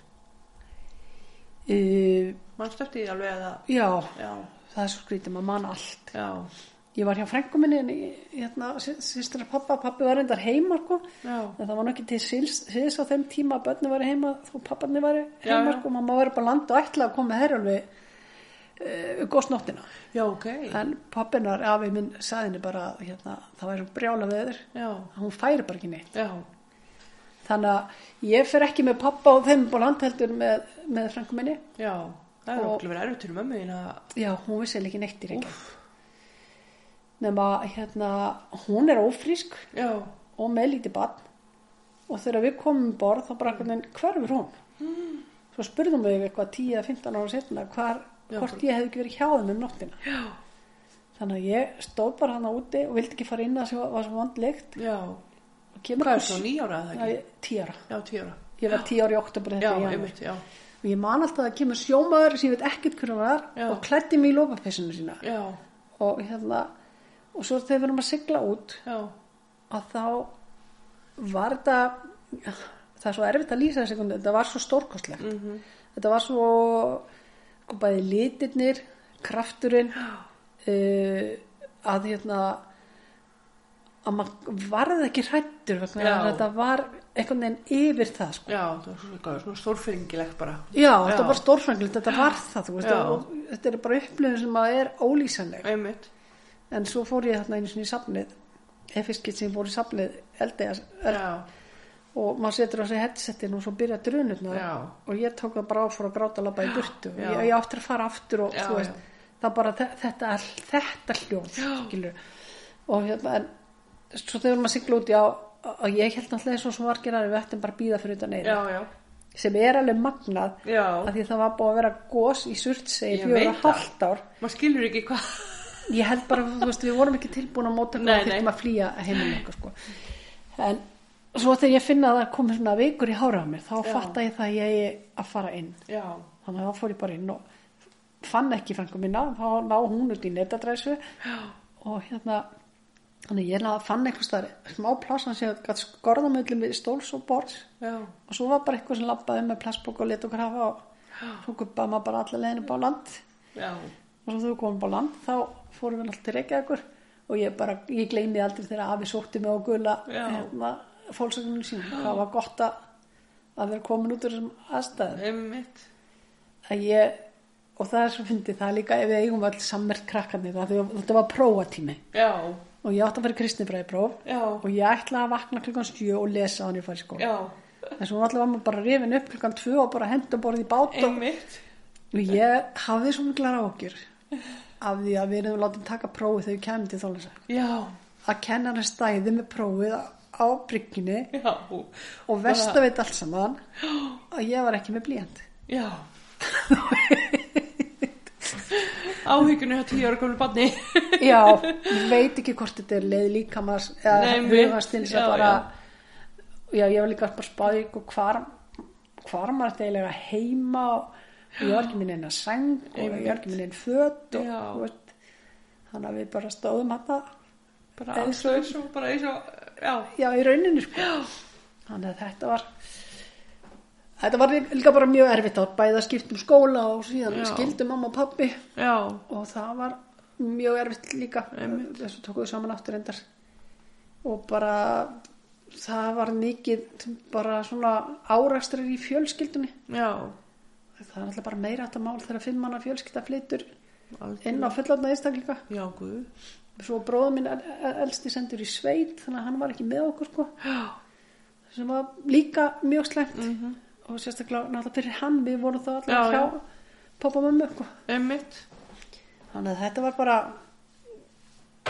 já ég held að það er svona margt og sem betur fyrir hefur umræða verið orðið meiri um tilfinningar og það er það sem að ég hef svona verið að vinna í bæði Já. nefniðareitgerni minn og emaðareitgerni Já. og svo hef ég verið að taka við til náttúrulega f- eins og því að var hér eða fréttum og, Mhm. og er langar að skrifa bók Já, og hún á eftir að koma einhvern daginn einmitt. eða eitthvað Já, af því að við be- megum ekki þú veist, sagan er að deyja einmitt. og við erum, með, og við erum búin að missa fullt af fólki við erum búin að missa allt gamla fólki sem að Já, já, ég man ég var, eða sko í fyrra nei fyrra var það, jú, við náðum í fyrra ég ég er sem stórðin formar á TFR já. og Sem ég hef er aldrei- áttafafélag Vestmannaeyinga í Reykjavík. Já, Já. sko mig. Já, sko þig. og við vorum búin að plana rosa metnaðarfullt hérna ár og svona höfum við ekkert geta gert Já. í því nema ég- við náðum í fyrra að vera með hérna, góstkaffi eiga Já. þessi hjá Óla Jó og góstkaffi Já, og þá einmitt tók ég viðtal við, við hérna Árar og Bjarna sem Já. Mhm. að voru að vinna inn í gósinu og hún heitir Helga Hinristóttir sem að var hjúknokona já, ok. í ljósmaður og hjúknokona Já, og hún sagði okkur það að þeim, þannig frá að, að gamla fólkið Já. sem var flutt af elleimlun og, og yfir á grund já, þá var bara sett ykkur stæðan í kjallara eða upp á háaloft þú veist það var bara búið til fyrir þau svæði Já. og þegar þau komum tilbaka til eiga þá voru bæði sko vannærið og með lefursjár Nei. Jú, Já, ég held Já. að það sé fullt af alls konar svona sögum sem að við höfum bara sem að færi ekkert að heyra sko. nei. En svo líka rosa, þú veist, maður má ekki gleyma því, það er líka til margar góðar Já, já, já, já, sögur fullt, og, sko. og allt það. En, Já. en svona þessi líf og líðan Já. og svo uppgöttaði það þegar ég var að, að skrifa mastersveitginna mína. Ég hafði alltaf skiptis í þrænt. Já. Gósnóttin Mhm. og ferðin upp á land, Mm -hmm. veran á fasta landinu og heimkoman. Já. Þetta var alltaf svona þrískipt. Mhm. Já, já. Svo rætti ég við sálfræðing þegar ég var að skrifa hérna masterreikinu minna og þá segir hann einmitt þetta eru þrjú áföll. Já. Þriði áfallið, heimkoman, hún hefur heldur líka ekki verið mikið rætt. Algjörlega. Og, og eins og ég, ég tók við hann Engibert og konu hans, Engibert Gísla Já. og þau vorum að segja sko fyrir gos voru eigamenn miklu sjálfbarir Já. og það var lítið til að bílum, það löppuð allir svo eftir gósa þá hérna eh, var minna til að vöru eða þú veist Mhm. já. hérna, þetta, það, það breyttist svo það breyttist svo ótrúlega Já. margt. auðvitað er ekki margt til batnaðar Já, já. við fengum alltaf þessa fínu sundlaug og, Já, já. og allir heimli í staði fyrir hitt og leikskólana og, og íþróttameistöðuna og svona en ég held mér samt að hefði engi viljað þetta eldgóð svo sem Nei, nei, alls ekki. og það er svo skrítið þannig að uh, þegar eldgósi var hérna á Reykjanesinu Já. að ég var enda nýkomin úr aðgerðinu á á öxl sem ég- hérna, þannig að ég vildi nú ekki vera að fara neitt Mm. en maður var ekkit stressaður fyrir því að fara þarna Nei. ef maður myndi hætta þá bara hættu og svo Já. hættu að við erum genn þá farin Já. en það getur vel verið þú veist maður myndi fara eitthvað tímann að eldgósi Já, já. en uh, ég held að maður sé alveg búin að fá Fá nóg. Eða svona- ekki kannski nóg en Nei, við erum þetta búin að fá sko. bara svona- Já, upplunum einmitt, já. og og maður er ekkert að- einhvern veginn ekkert að eldast við hana og fyrir utan það að það ámán alltaf að bera virðingu fyrir náttúrinu, maður er ekki neitt neitt Algjörlega. meða við hana Algjörlega. og ég þól ekki á rosalega erfitt með að þeirra þegar fólki finnst eldgósu verið eitthvað svona lítið fjölegt eða ekki lítið fjölegt Já. heldur eitthvað sem þú þarft ekki að vera að passa það Já, einmitt. en það er kannski bara þessi upplifun en- eins og túristanir sem voru að lappa yfir hraunni og svona já, já, eða bara fólk að fara með lítið börn já, mest, já, algjörlega En ég skil samt alveg fólk og krakkandi mínu fór öll saman og, og hérna... Mm. já, já, fólk að er alveg að skoða sjá þetta á já, svona já, forvitin já, já, og, og því ekki að fara einmitt, þegar að- en þú ætti ekki að setja því hætt og þú ætti Nei. heldur ekki að, að gera lítið úr því nei, sem þetta er. einmitt Og það bara vitum við sem að, höfum búið í eigum já, og þú veður hamurum sem getur orðið það líka. einmitt Og þá er maður ekki mikill bór. nei, Eða ekki maður neitt. stjórnar engu sko Nei. Þannig að, já, já. en hvað hérna já ég er mitt búin að hugsa bara eins og með áfallastuturöskun Já, minna fólk náttúrulega misti allt sitt bara, sumir já, og, og svo er aldrei svo einhvern veginn finnst manni eins og vestmannegar farið svolítið mikið á nefanum bara já. þú veist er þetta eitthvað sem að þú er pælt í Já, ég, hérna, ég er alveg viss um það já, að, að fullt af vefja gikt, mm. giktarsjúkdómum og fleira Mhm. Já. sé í rauninni kannski byrjun sé gósið og afleika þess já, og ég man hann hjalti ekkert mann, og nú man ég ekki hvenur hann hjalti Kristjáns Mhm.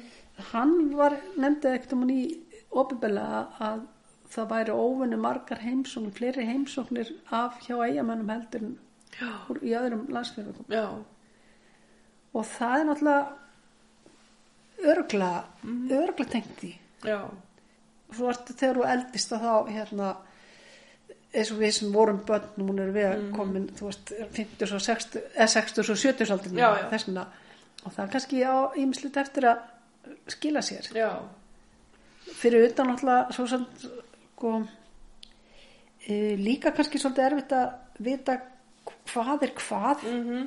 svo alltaf líka eh, þú veist, er þetta eins og við erum kynsluð sem að byrjum að vinna ung, einmitt byrja að vinna í fiski bara 13-14 ára já, já, og þá varst alltaf metin ef þú varst duglegur já, já, ég man ég fór einmitt að fekk vinn í humrunum og ég var dugleg og þá fekk ég að fara að vinna í salnum Já. og þá fekk ég að fá að vinna frá 8 á mótnarna til 10 á kvöldin já þú veist, ég efast um ég að vera meira en 40 kíló en ég var að setja 25 kíló af fiskikassa upp á borðinu, ég þurfti Já. að lifta upp fyrir mig Einmitt. þú veist, maður stundur velt fyrir sér hvort að fólk já, sem fær brjóskloss klimus, Já, já. að það hefði verið af, af þessari miklu svona vinnuhörku Já. sem er kannski minni vinnuhörka heldur en kynsluðan þar á undan Einmitt. En hvað af þessu er þessi harka, Mhm. hvað af þessu er eldgósið, hvað af þessu er öll áfölli sem hafa duni fyrir Einmitt. vestmannir og hérna sita kannski bara svolítið í eigasálinni Já, og hvað af þessu er meðvirkni sem að, þú veist, Já, já. er það eins og svo mörgum örstöðum. já. Já, og svo einaldi sem að óst fylgdi Já, líka og já. þannig að þetta hefur, hefur allt áhrif. það gerir það Mm. þannig að maður veit ekki hvað er hvað en, en ég bara hvernig, maður veit aðeins að vera eitthvað sérfræðingur eða læriður í líðheilsu eða hvað hann heitir að það bara getur ekki annað verið en að gósið hafa haft Einhver áhrif Já, og sennilega meira áhrif heldur en við nokkuð tíma komumst að einmitt. eða kannski já, getum ekki séð ég er nefnilega, þegar ég var að skrifa held í björritkinu mín þá hafði ég sambandi í norskan sálfræk Já, sem heitir Alli Dýrgróf og hann sem sagt var sá sem að stýrði mest uh, aðgerðum eftir skotárusunni úti já, já.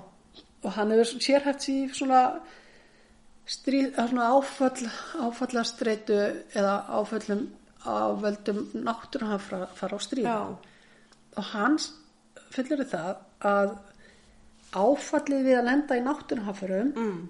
er sama áfallið og að lenda í stríði já, en síðan eru afleðingarnar auðvitað meiri í stríðinu já, já, en það sama áfalli sjálft já, er jafngilt já, og líka það hérna uh,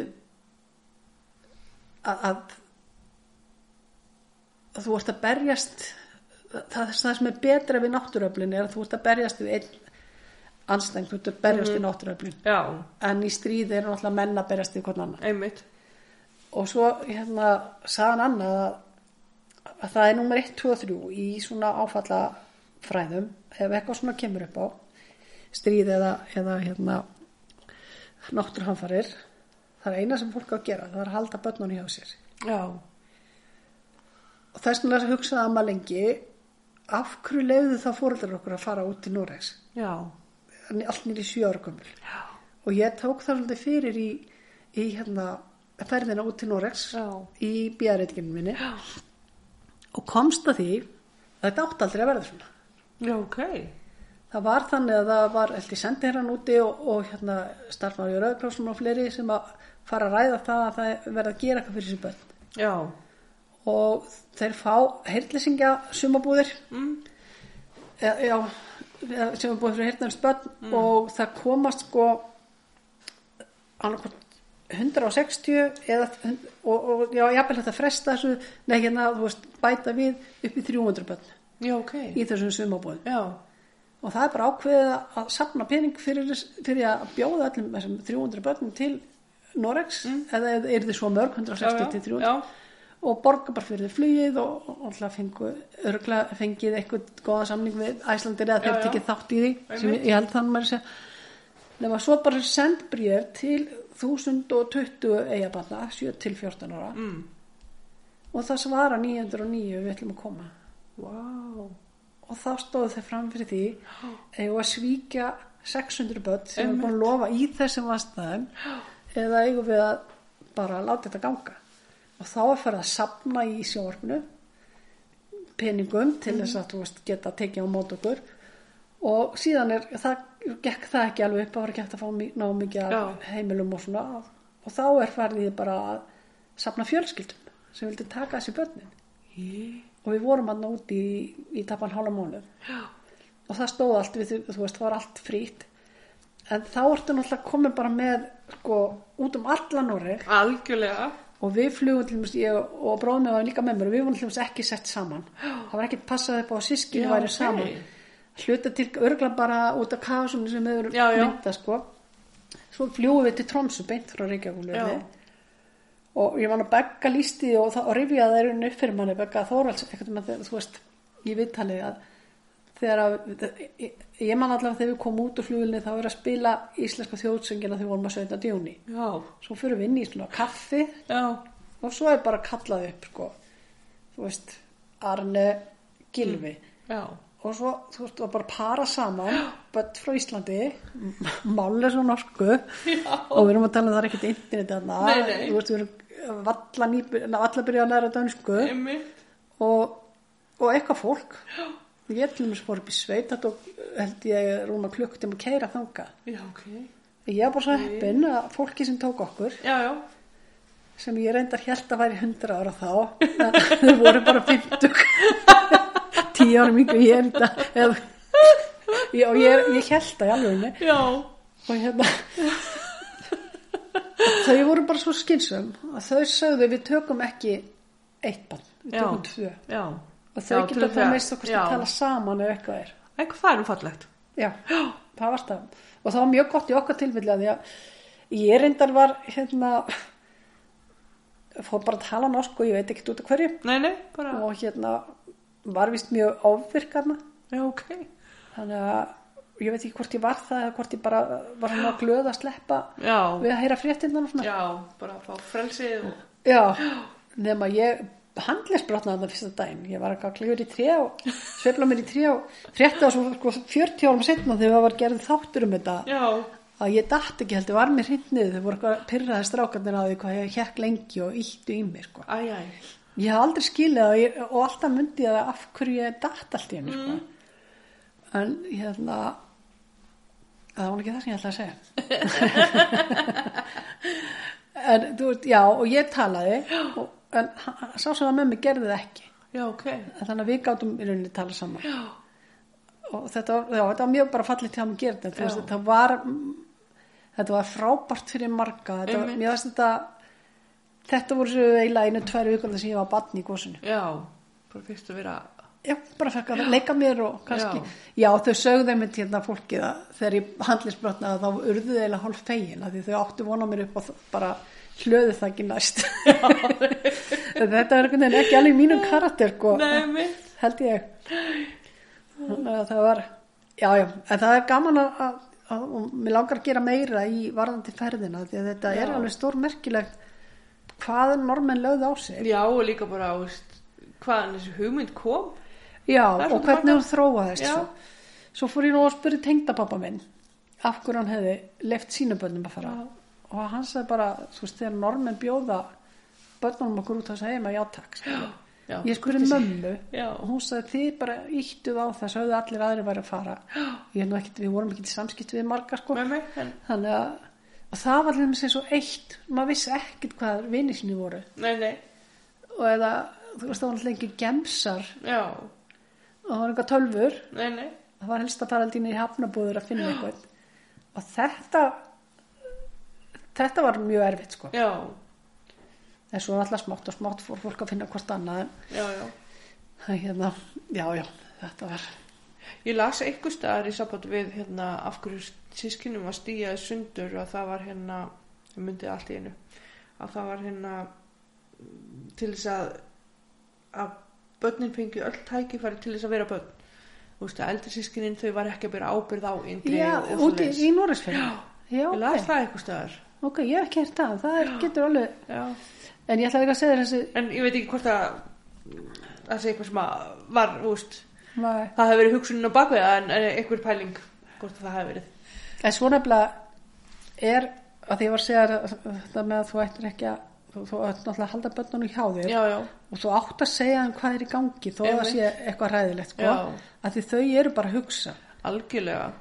en ég held að svo var gerðið ansók í Breitlandi þar sem að í ljós kom að þau börn sem að voru sendið í sveit þau voru alltaf sendið þegar var verið að varpa sprengjum á, á Já, London já, þau fóru ver út úr stríðinu já, heldur en börni sem voru með fóreldur sem í sprengjum já, en sko, það verður alveg ég er búin að segja það áður, alltaf að segja það aftur og aftur við getum ekki gaggrind fóreldra okkar fyrir Nei, að alls ekki. leift okkur að fara uh, bæði náttúrulega eins og þessar t- ástæður Mhm. og það er líka bara svo ástæð að fólk þurfti bara hreinlega að fá frí algjörlega þetta var mikið álega og ég átt að hugsa það sko fóreldra mínir þau eru bara þrítug já, þetta er ekki fullari fólk Nei, í rauninni þetta er sko. bara- ungi krakkar ungi krakkar já. og hérna þannig að það er uh, maður getur ekki gagna þetta fyrir utan það að einhver starf skrifa ég það eða las það að, að hérna það er bara ekki tvinn á áttunda áratugum sem að það er fara að viðkenna það að mm. börn sé með öðru sér tilfinningar undir fjöldrættir einmitt, algjörlega og þannig svo að það fólk kannski bara ennþá líka bara í sjokki þú veist. Já, já, og já. það bara, já, já, bara en mér fannst rosalega gaman að hérna að kafa svolítið onni þetta Já. og í rauninni fá ástæðana fyrir þess að því að ma Einmitt. maður bara var búin í mörg ára að hrista hausinn og pæliði sko þú veist, hver var hugmyndafræðina bara Já. þetta fyrir utan það að vera góður sko Ah, já, já, það er eins og í Troms og þar til sem voru það blaði, staðablaði sem heitir Nor- Nordlís, þeir voru í þessu Jóðsjöfélagið, bændasamtökin einmitt og, og fleiri og fleiri sem að tóku sér saman í þetta reysa verkefni já, sko. já, og fyrir utan það að þá voru normen þeir sem gá okkur langmesta pening í bæði í formi hérna, húsa og, og Einmitt. bara hérna fjárframlega já, þannig já, að normen stóðu alveg ótrúlega vel í bakið á okkur algjörlega þannig að þetta er, já, magnað já, en hérna, þegar þú kemur heim síðan frá Núri mm, já, Já. og bara eða spara til eiga þegar að góðs er búið já, hvað hérna hvernig fannst þér eigan? hún var svört já, hún var það en það var bara sko, öllu yfirsterkar að vera komin heim aftur já, það bara einhvern veginn eh, gerði það líka verkum að maður leifði sér ekki að, að finna hvað það var erfitt einmitt og náttúrulega þú veist, mamma og pappi eru þá tekið saman aftur já, og það var líka, skipti miklu Já. máli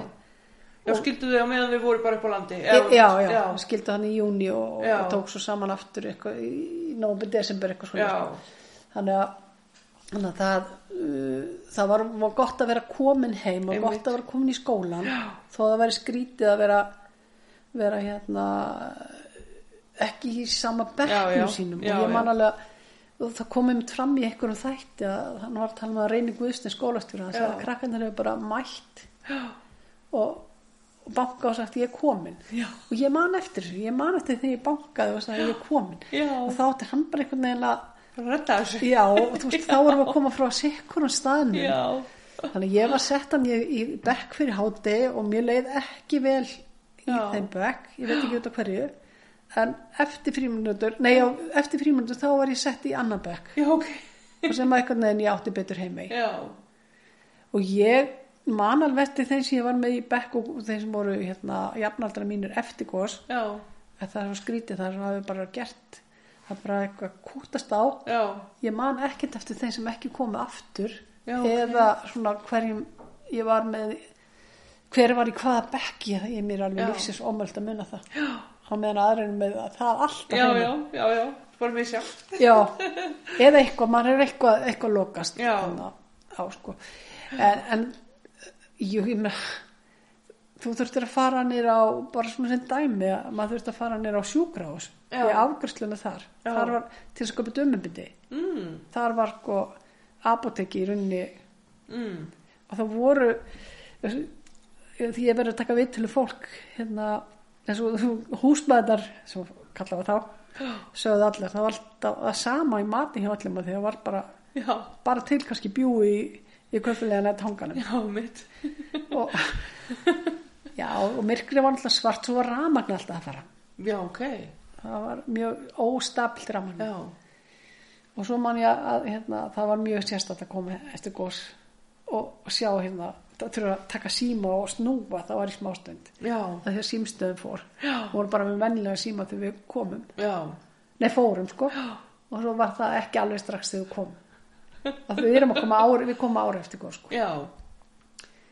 en já já en svo þú veist bara held lífi bara áfram skilu svo, Já. svo fór að byrta til og já, svo kom sundlaugin já, það var rosa hérna mikill munur mitt, og þá var svo mikið aðeins og mikið sund já, og tala bara sem að sé alveg aftur en fornöld nei, nei, að til þess að komast í sund og þá fekk maður svona lit, tegju með lit já, og svo mátti sem sagt, þeir sem voru með br- rauðategjur fara í sundlaugina og svo voru þeir reknur upp og þá máttu grænir Já. fara svo ekkert maður fer ég og vink- förum við og vinkon mín í sund og hérna við erum bara með svona græna tegju eða eitthvað og við erum hún sundlaug og, og þá sjáum við bara hann rétt við brettið bara risastóran kúk Oj, já og þetta er náttúrulega við byrjum að oi og við upp úr já, og látum vita og sundlaugurinn lætur okkur á plastbóka og segir okkur að ná í hann oj, og við einhvern veginn þorðum ekki annað en að hlýða fullölda Nei, nei. fólkinu þannig að þegar að við erum að synda hann í áttunum og vinkonum fyrir fram að mig að þá bara man ég að ég var næstíð bara druknu og hlátur já, þannig að hún veit þetta nú mjög sí- hérna, framalega upp og og síðan alltaf bara stukku upp og lauði einmitt, komur svo daginn eftir er búið að tæma og reynsa launa nei, það var nú ekki svo einfalt að, að laugin var í tæm þannig að við fórum ekki í sund þann daginn nei, en svo daginn þar áttir þá gátum við ekki beðið lengur já, og skelltum okkur í, í laugina En ég var í árgangu, það var ferming árgangunum sem að hérna, þetta er þá 76 sem að sundlauginni vígð, sem að Já. víg- vígði laugina já, En ég, ég man það samt alltaf að það var frekar svona erfitt 14 ára að standa hérna bikinínu fyrir framar alla bæjarbúa Já. eða sundbólum en samt voru stolt að ég fá að víja já, já, algjörlega algjörlega, sko. Það- og það er náttúrulega auðvitað bætti það það var margt sem var bætt þannig já, Mhm. að ég held að þetta var svona helst að það er þetta myrkur í rauninni og Já. vikurinn og, og rammasleysi já, og náttúrulega þú veist þetta, það, þetta kom ekki allir inn, það komur nú allir í kringum mig þannig búið að höfða ekki já, það er náttúrulega við erum þar, þannig staðsett sko. einmitt, en voru hérna, voru krakkarinn látt taka þátt í hérna uppbyggjum, eða þú veist, í hreinsuninni og alltaf þessu, sko. já, bæði í, í hérna, vinnuskólanum já, og svo náttúrulega var bara heilmikil vinna fyrir eins og úlingana í, Já. í reynsunastarfinu já, og svo hérna var ég að mynda að tala hef ég tekið viðtal við, við hérna, Marja Viljámsveitum sem hún var að mynda að lýsa því þeirra og dótturina líka þegar, að, þegar þær fóru svo að sá já, já, og þannig að það, það varð allt svona miklu bjartar og Já. betra einmitt, algjörlega, en já, já, ég held bara samt líka að það talaði enginn um þetta og ég veit ekki hvað hefði verið sagt í þann sem hefði kvartað yfir ykkur þegar Nei. hann kom heim aftur sko. einmitt, og ég er kannski það unga að, en maður mann samt svona skinjaði svona sko, umræðina um þá sem komi ekki Mm. tilbaka þú veist sem er alltaf mjög ósangjant að, og Já, ég veit alveg að mamma vildi ekki fara tilbaka já, hún bara gæti ekki hugsa sér, hún fannst hún inni loku hérna Já. en hún gafst upp þegar við vorum alltaf fjögur grátbyðum að fara já, aftur sko. einmitt, fara aftur heim, en ég mista 13. númer, við komum til eiga daginn eftir 13. mista Já, honum í ok. Reykjavík að við fórum að stað, sild, sildum bara með bátum hans pappa já, og ég mista honum líka í eigum já, en það var, það var svekkjandi en það var samt allt í lægi að þeim að komin heim já, já, það kannski svolítið lýsir einmitt, En við hugarástandi. fórum þetta einu sem ég og bróðum minn til eiga með pappa þannig að mitt sumar já, ok, og þá, einmitt, þá fannst mann allt svart og svona Já. skítugt. já, En Við bara rétt fórum upp á bryggju og fengum að fara til Pálmalóra og kaupa okkur eitthvað að drekka Já. og svo nýrtir aftur. Þannig að ég veit það ekki, kannski hefði verið svona eftir á hekja sniður að fyrir fóreldra að fara með bönni sína heim og vita hvort þeim langaði aftur og já, Ég held bara að þegar þú ert vakin upp um miðanótt mhm, og fluttur upp á land einmitt, að þá ert ekki drónni fyrir að þú tekur ákvörðun á þínum Já. fórsendum að fara algjörlega. þannig að það var bara þetta Nei, er og ákvörðun náttúrulega veist ekki í rauninni hvernig áslandi er þegar þú kemur tilbaka, skilur við. nei, Og veit ekki hvað er búið að vera í gangi. nei, Ég er segt grein fyrir því. nei og í rauninni bara skilum maður ekki í dag þú veist bara hvernig fólk að fara heim með unga börn ég held að enginn hafi gert sér greint fyrir því hvað þú veist hvað Já, þetta já. var ó, bæði óhrjálegt í Já, já. umhverjunni og, og hérna kannski bara ekkert heil, ekkert heilsusamlegt sko Einmitt. en við vorum komin heim Halda þessu áfram. já, Nei, og það er ótrúlegt að eigin hafi byggst aftur upp, sko. Ef maður fyrir að pæli því. já ég held að bæði náttúrulega átti Magnús hérna, Magnússon bæjastur sinn þátti ég að hvetja fólk til að koma Já, aftur já. og svo náttúrulega eh, auðvitað já bara þetta þú lætur ekki að reka það heima Nei, nei, en svo fór ég í fyrsta skipti á hérna í dýrhulei já, í sumar já, og oft kert framhjá, einhvern veginn aldrei farið og komur óvart hvað í hann er stór í rauninni já, en það var nefnilega talað um það að byggja höfn í dýrhalegi og flytja í rauninni eigjar þangað já, ok, já, það var ein hugmyndin önnur var að, að hérna opna, rjúfa eigðið ef að höfnin Já. hefði lokast já, og hérna byggja nýja einsiglingu þar mhm, og mistaleg og sko, þó ég hafi einbytt mér svolítið að því að hvernig líf og líðan fólks var já, og svona kannski stundum látið það út um mér að, að, að mér hafi fundist svona hetju sögunar þeim gert full hátt undir höfði mhm, að þá er náttúrulega samt alveg ótrúlega þrekverki sem var undið algjörlega, algjörlega, sko. og það hefur ekkit sérstaklega verið talað um þetta heldur hvernig mönnum leið nei, nei, það það hefur verið talað um hvernig, hvað þið gerðu já, já, og ég, fólk ekkert bara, he, hefur ekkert verið neitt rúslega opið að ræða hvernig það er leið, nei og ég tók eh, viðtal við hann Gísla Engibjörn sem konuna hans Já. og, og hann var nefnd að lýsa því og ég setti það í, í morgunblæði og, og reytkjörnum minna hérna, eitthvað tíma kom maður þau voru eitthvað stattir já, og það var þannig náttúrulega á þessum tíma að þú sangaðir að þér eh, í skáp og, Já, já. og eldavél og þó væri ekki búin að byggja já, já, til þess að eiga það þegar að kemja að því að einmitt, þar flytjinn og það var hérna m- m- þau stóðum held ég, nú mann ég þetta ekki alveg 100% og ég verður voru glað fyrir gefið það, það er þetta að fletta því upp já, já, en allavega eru svona hálgett innbúð þarna inni já, og þá kemur maður og hann bara missir sig mhm, og það leifði honum í rauninni bara allir vera já, að því menn vissu og hann var nýbúin að horfa úr húsi sitt já, farið til raun já, og þetta var í rauninni bara áfalla hjálp þess tíma mhm, algjörlega, en þú veist, maður, get, maður getur í sjálfsins ekkit ímynd þessu hvernig það er að vera í þessum háfaða í þessum þessari hættu einmitt, og það er svo margt sem er eh, sem við vorum að segja mér hérna að Sigur Ringi og Jóna þau byggu upp á höfðavegi já, og þau byggu svo hátt í bænum að lögreglan tók húsið þeirra já, sem bækistöð já, já, og þar var til með sódjak töðra fyrir utan já, ok, ef skekina að það þyrfti að, að koma sér í burtu Breyta sér, já. og fara þá vantalega frá klöfinni já, já, já, já, ef að höfnin og allt myndi bara lokast og, já vindáttur eða eitthvað þú veist. já, nei, maður hefur aldrei heyrt eitthvað svona, úst, nei, þannig að þetta er svona, já, sko ég sé alltaf það eru 5300 sögur að lágmarki og svo Algjörlega. fleiri, líka þeir sem komu að björgunastörun þeir sem upplifðu gósið þegar komum upp á land einmitt, og það er svolítið synd hvaða lítið hefur gengið að skrá sér þetta já, þannig að þetta, já, það er fullt af sögunarblega, já, skemmtilegum, sorglegum já, hetjusögum einmitt, og líka náttúrulega bara hvernig þessar konur stóðu sig algjörlega, standandi á brygginu með bönni sín með bændi sem ekki neitt einmitt, ekki einu svona pening þú veist.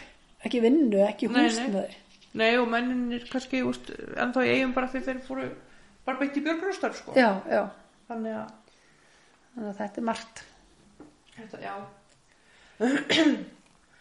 Nei, það er bara eiginlega. Ég er mjög gaman að pæla í þessu.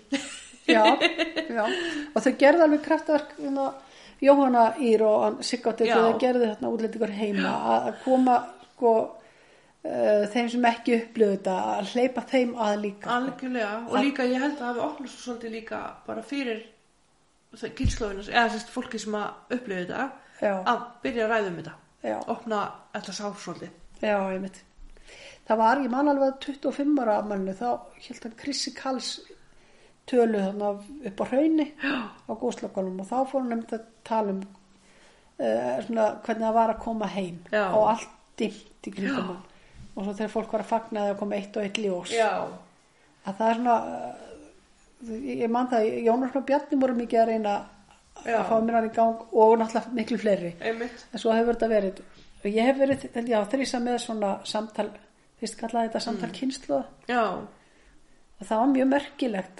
Uh, ég var með upp í, upp í hérna eldheimum Já. á góðslökunum og það var útlendingur Jasir, hann Jasir hittan eitthvað hann var að vinna doktor sem ég gerð já, hann er þarna með konu sinni nei, nei ekki konu sinni, heldur samstarfsfélaga já, og ég var að tala við uh, mægur og mægin já, og, og það kemur bara í ljós þarna þau erum að tala saman að, að þú veist hvað fólk hafi lítið tala saman einmitt, og það er hlegið og það er fólk tárast og svo þegar þetta er búið þá kemur hann tíma og segir hvað varst að gera já, hvað var að gerast þarna inni já, og ég sagði hann að við, þarna hefði bara fólk verið að ræða saman sem hefði ekki rætt saman kynnslóðan hefði ekki talað saman já, og ég hef reyndar ekki ég hef ekki náða að setjast niður með mömmu minn og pappa að ræða þetta eitthvað Nei, nei. í þaula sko en hérna, honum fannst þetta mjög merkilegt hvað gerist þarna inni já, og, og þetta er bara ég held við um eftir að halda þessu eitthvað áfram já, en þarna var líka að opna fyrir ykkur því, því ég eru náttúrulega því erfið Já, í já. rauninni gósið þó þið fæðist eftir gós já, já, og í rauninni aflega gósin sem það er ekki talað um já, nei, þetta var alltaf svona, í mínum huga var þetta svona ævintýra, var sett svona ævintýra blæra á þetta svolítið, já, þú veist, já, strákurinn minn sagði einu sinni með hérna og ég vildi að vera til í gósinu Já. og ég alveg, þú hefðir sko ekkert vilja já, einmitt, já, maður fyrir að líð þá, þú veist, alveg bara, ó, já, það verður rosa gaman að sjá þetta og döldur og eitthvað svona, sko, en, en það hefur bara ekkert verið skemmtilegt, sko, ekki þannig, Nei, en samt, skilur þetta að fá að upplöðu þetta Já, já. er náttúrulega mjög sérstætt já, já, og auðvitað margt gott sem kom út úr já, því, já, þegar við erum að tala um þannig að, Nei, ég mynd heyrðu um eina konu sem að hérna var að tala um sérst gósið eftir að þessi mynd kom út já, og sonur hennar hefur að vinna í, í sérst vinnum þar sem að hann hefur verið þurft að sækja áfallahjálp og, og svona já, sko já, og hérna og verið að veita áfallahjálp líka og, og svo var hún alveg bara já ég bara og hún talaði endalaust og bara um gósið og, og veist, hún líka ég er alltaf að tala um það saman ég þarf bara að fara að fá áfallahjálp og, og hann svona mm, já og, og held bara áfram að leifin að tala og hún alltaf fór bara að ringja að tala aftur um mm. veist, þá, já ég þarf að leita mér áfallahjálp og hann alveg já, veistu mamma þú ert í áfallahjálp núna já, hún alveg ha já bara tala um hlutina já, einmitt. alveg saman hversu oft sem hún verður að tala um það það er áfalli hjálpin ég er líka margir já, þá hjæltum bara að það er þið gert eitthvað, sett Já. plástur eða eitthvað einmitt eitthvað svo redda bara já, þetta var eitthvað svona Að Ég sýnilegt held bara gos, nei, hérna, jarðskjálftin 2000, hann ífði upp Já. mikið Já. og ég, hérna, var einmitt inn í dal þegar hann var, sko já, og ég held að væri að koma eldgos í, bara í alvörun og ég fann Já. goslíktina já, ok og ég held ég væri að deyja já, það og kom mér á óvart hvað ég var eiginlega róleg með það, sko en mér fannst samt rosalega einmannlegt að að því að gilfa með stelpunni hinum einu dælum og Bjarti var á fótballtæfingu og strafkunum út að sjór, sko þannig að mér fannst svona já, svolítið einmannlegt alltaf að fara að deyja ein já, en ég borðaði ekkert í nokkra daga á eftir já og svaf ekki og, Já. og svo bara heppið áttum panta að ferð til Portugal já, en þá alveg bara gauðsikt upp og svo var ekki 2006, nei 2008 já, þá var líka annað jörgjaldi já, og ég greinist með giktina eitt síkina 2009 já og ég varð alveg rosalega hrætt í þeim skjálta sko. Já. og ég, mynd, ég fór út og stóð úti og fann eitthvað gerast í líkamann þú veist, ég Já. er alveg vissum að giktin fór Bara- endanlega á flug þarna sko já, þannig að þú veist þetta er miklu að því ég hef alltaf haldið fram ég hef ekki verið hrætt í góðsunni nei, nei en auðvitað maður hrætt já, eðlilega minna, úff nei en ég fann ekki já, já, fyrir hræðslinu nei, nei, sko, af því að þetta var svo yfirþyrmandi mikið já en það er hérna en svo er bara einhvern veginn, já, líka minn er ótrúlegur og hugurinn, bara hvað hann já, bælir lí- líka niður mann og- geymir þetta allt saman einmitt. sko. það er, það Þannig að- er engin vafa á því held ég já, magna en það sem er að því vonum að, að því mann farin frá eigum sko já, þá uh, saknaði ég alltaf svona hvað segja svona sönggleðina sem er í í fólki frá einn það Já. syngur bara hver með sínu nef og það eru bara allir að Já. skemmta sér skiptir Já. kannski ekkit endilega máli hvort að þú heldur lægið eða ekki Já, já. eða Og þú það veist, ertu samt með. þá ertu saman með sko. Já. hvort þessum svona sönghefð og, og gleði sem að kannski hefur auðvitað oft hjálpa fólki að létta þessu spennu og Mm. svona Já. og svo náttúrulega hérna, finnum maður líka þegar maður kemur hingað að, sko, samhýðin er náttúrulega ekki svo sama Nei. sem er náttúrulega mjög mögnuð út í eigin Já. en á móti er náttúrulega fylkingarnar og harkan geta Já. líka verið þetta við talum ekki um að það verið pólitík Já. það, það fer ekkit í rauninni vel með fólk held ég Nei. eða held ég, ég veit það bara ég ætla að var sjálf í pólitíkinni Einmitt. þannig að það er en eigin slendur alltaf fyrir sínu Já. Hvað varstu lengi í pólitíkinni í eigum? sko ég var 8 ár í bæjarstjórn Já. ég var 20 ár í í hérna, fjölskylduræði Mm. uh, og ég var svona viðláðandi já 20, 20 ár Já. Nei, ég var enda, ég hætti svo 2006 Já. og það var í rauninni bara heilsufæsa ástæðum, að áhugi var ennþá til staðar en, Já. en maður var svona fann að verða alltof oft veikur Já. og þetta er náttúrulega kjörtíðabili þarna sem var skipt um þrjá meiri hluta var ansi töff Já. Þannig að- og ég veit það alveg þegar við tókum við hérna, meiri hlutanum eftir sjálfst, meiri hluti sjálfstaflokks og, og andri sem sprakka þá mér var nú bara sagt að af, úr einsta einsta ringa þá var bara haldum hundur upp í árgarði og þar átti bara að brjóta mig niður Já, ok. það átti að ég fengi allt sem ég segði og kæra allt sem ég gerði og þeir gerðu það sko en það gekk ekki upp Já. svona getur harka verið Já. Finnst þér að ég að leggja niður flokkapólitík? e, sko það er einfalt og einfalt að segja já og vera bara með personur Mm. en ef þú hugsa það hverju komast þá að eru það þeir sem hafa mesta peningana eða mestu völdin eða eru Já. vinsalastir eða gilu, það er það er það er ekki einfalt en ég myndi, vil- ég myndi alveg vilja segja já, Já, já. Þú veist, bara þeir sem eru hérna fólk treysti best eða er ættu að komast en ég er Já. ekkit vissum að það verði niðurstaðan Nei. þannig að já, ef það væri hægt að tryggja það að það Mhm. myndi tryggja lýraði Já, já. En það er náttúrulega líka rosalega að vera til, eins og gerist bara út í, í söðurkjörnum, þú ert bara, bara flottum aður eins og guðinni hjöl að leggja á sig að, að koma inn manni fyrir annan flokk Mhm. sem var nú inni. Það er náttúrulega bara skelfilega ósangjörlega. Algjörlega, sko. Þannig að það er svona, eða eins og með allt annað, held ég sem Einmitt. er búin að tala um í allan dag, það er svona bæði jákvæmt og neikvæmt. Já, einmitt. En finnst þið mikla breytingar í eigum sérst, síðan að þú varst ung og, og svona brá mannlífinu og, Já, og hegðun og... uh, já, það hlýtur nú eiginlega að vera. Mm, af því að það breytist margt á 50 árum já og í raunin nei Mm. Þú veist, eiga sálin er óskup svipuð held ég sjálfur sér já, og það sem ég veist ekki hafa breyst sem hefði því miður breyst annar staðar að það er til dæmis bara trúalífið já, að það er virt bæði í eigum og mörgum öðrum sjáarplássum og sem það er verið að reyna að þurka út á mörgum öðrum stöðum já, Þannig að það hefur sjálfur sér ekki breyst. Þá er ég ekkert endilega að tala um hvað margir sækja kirkju. með mig, Heldur bara að það að þegar eitthvað bjátar á að þá leita fólk í trúna og það er, einhvern veginn- er og það er viðkjönt og það er ekki verið að banna börnum að koma í, í helgileikin. þú Já. veist.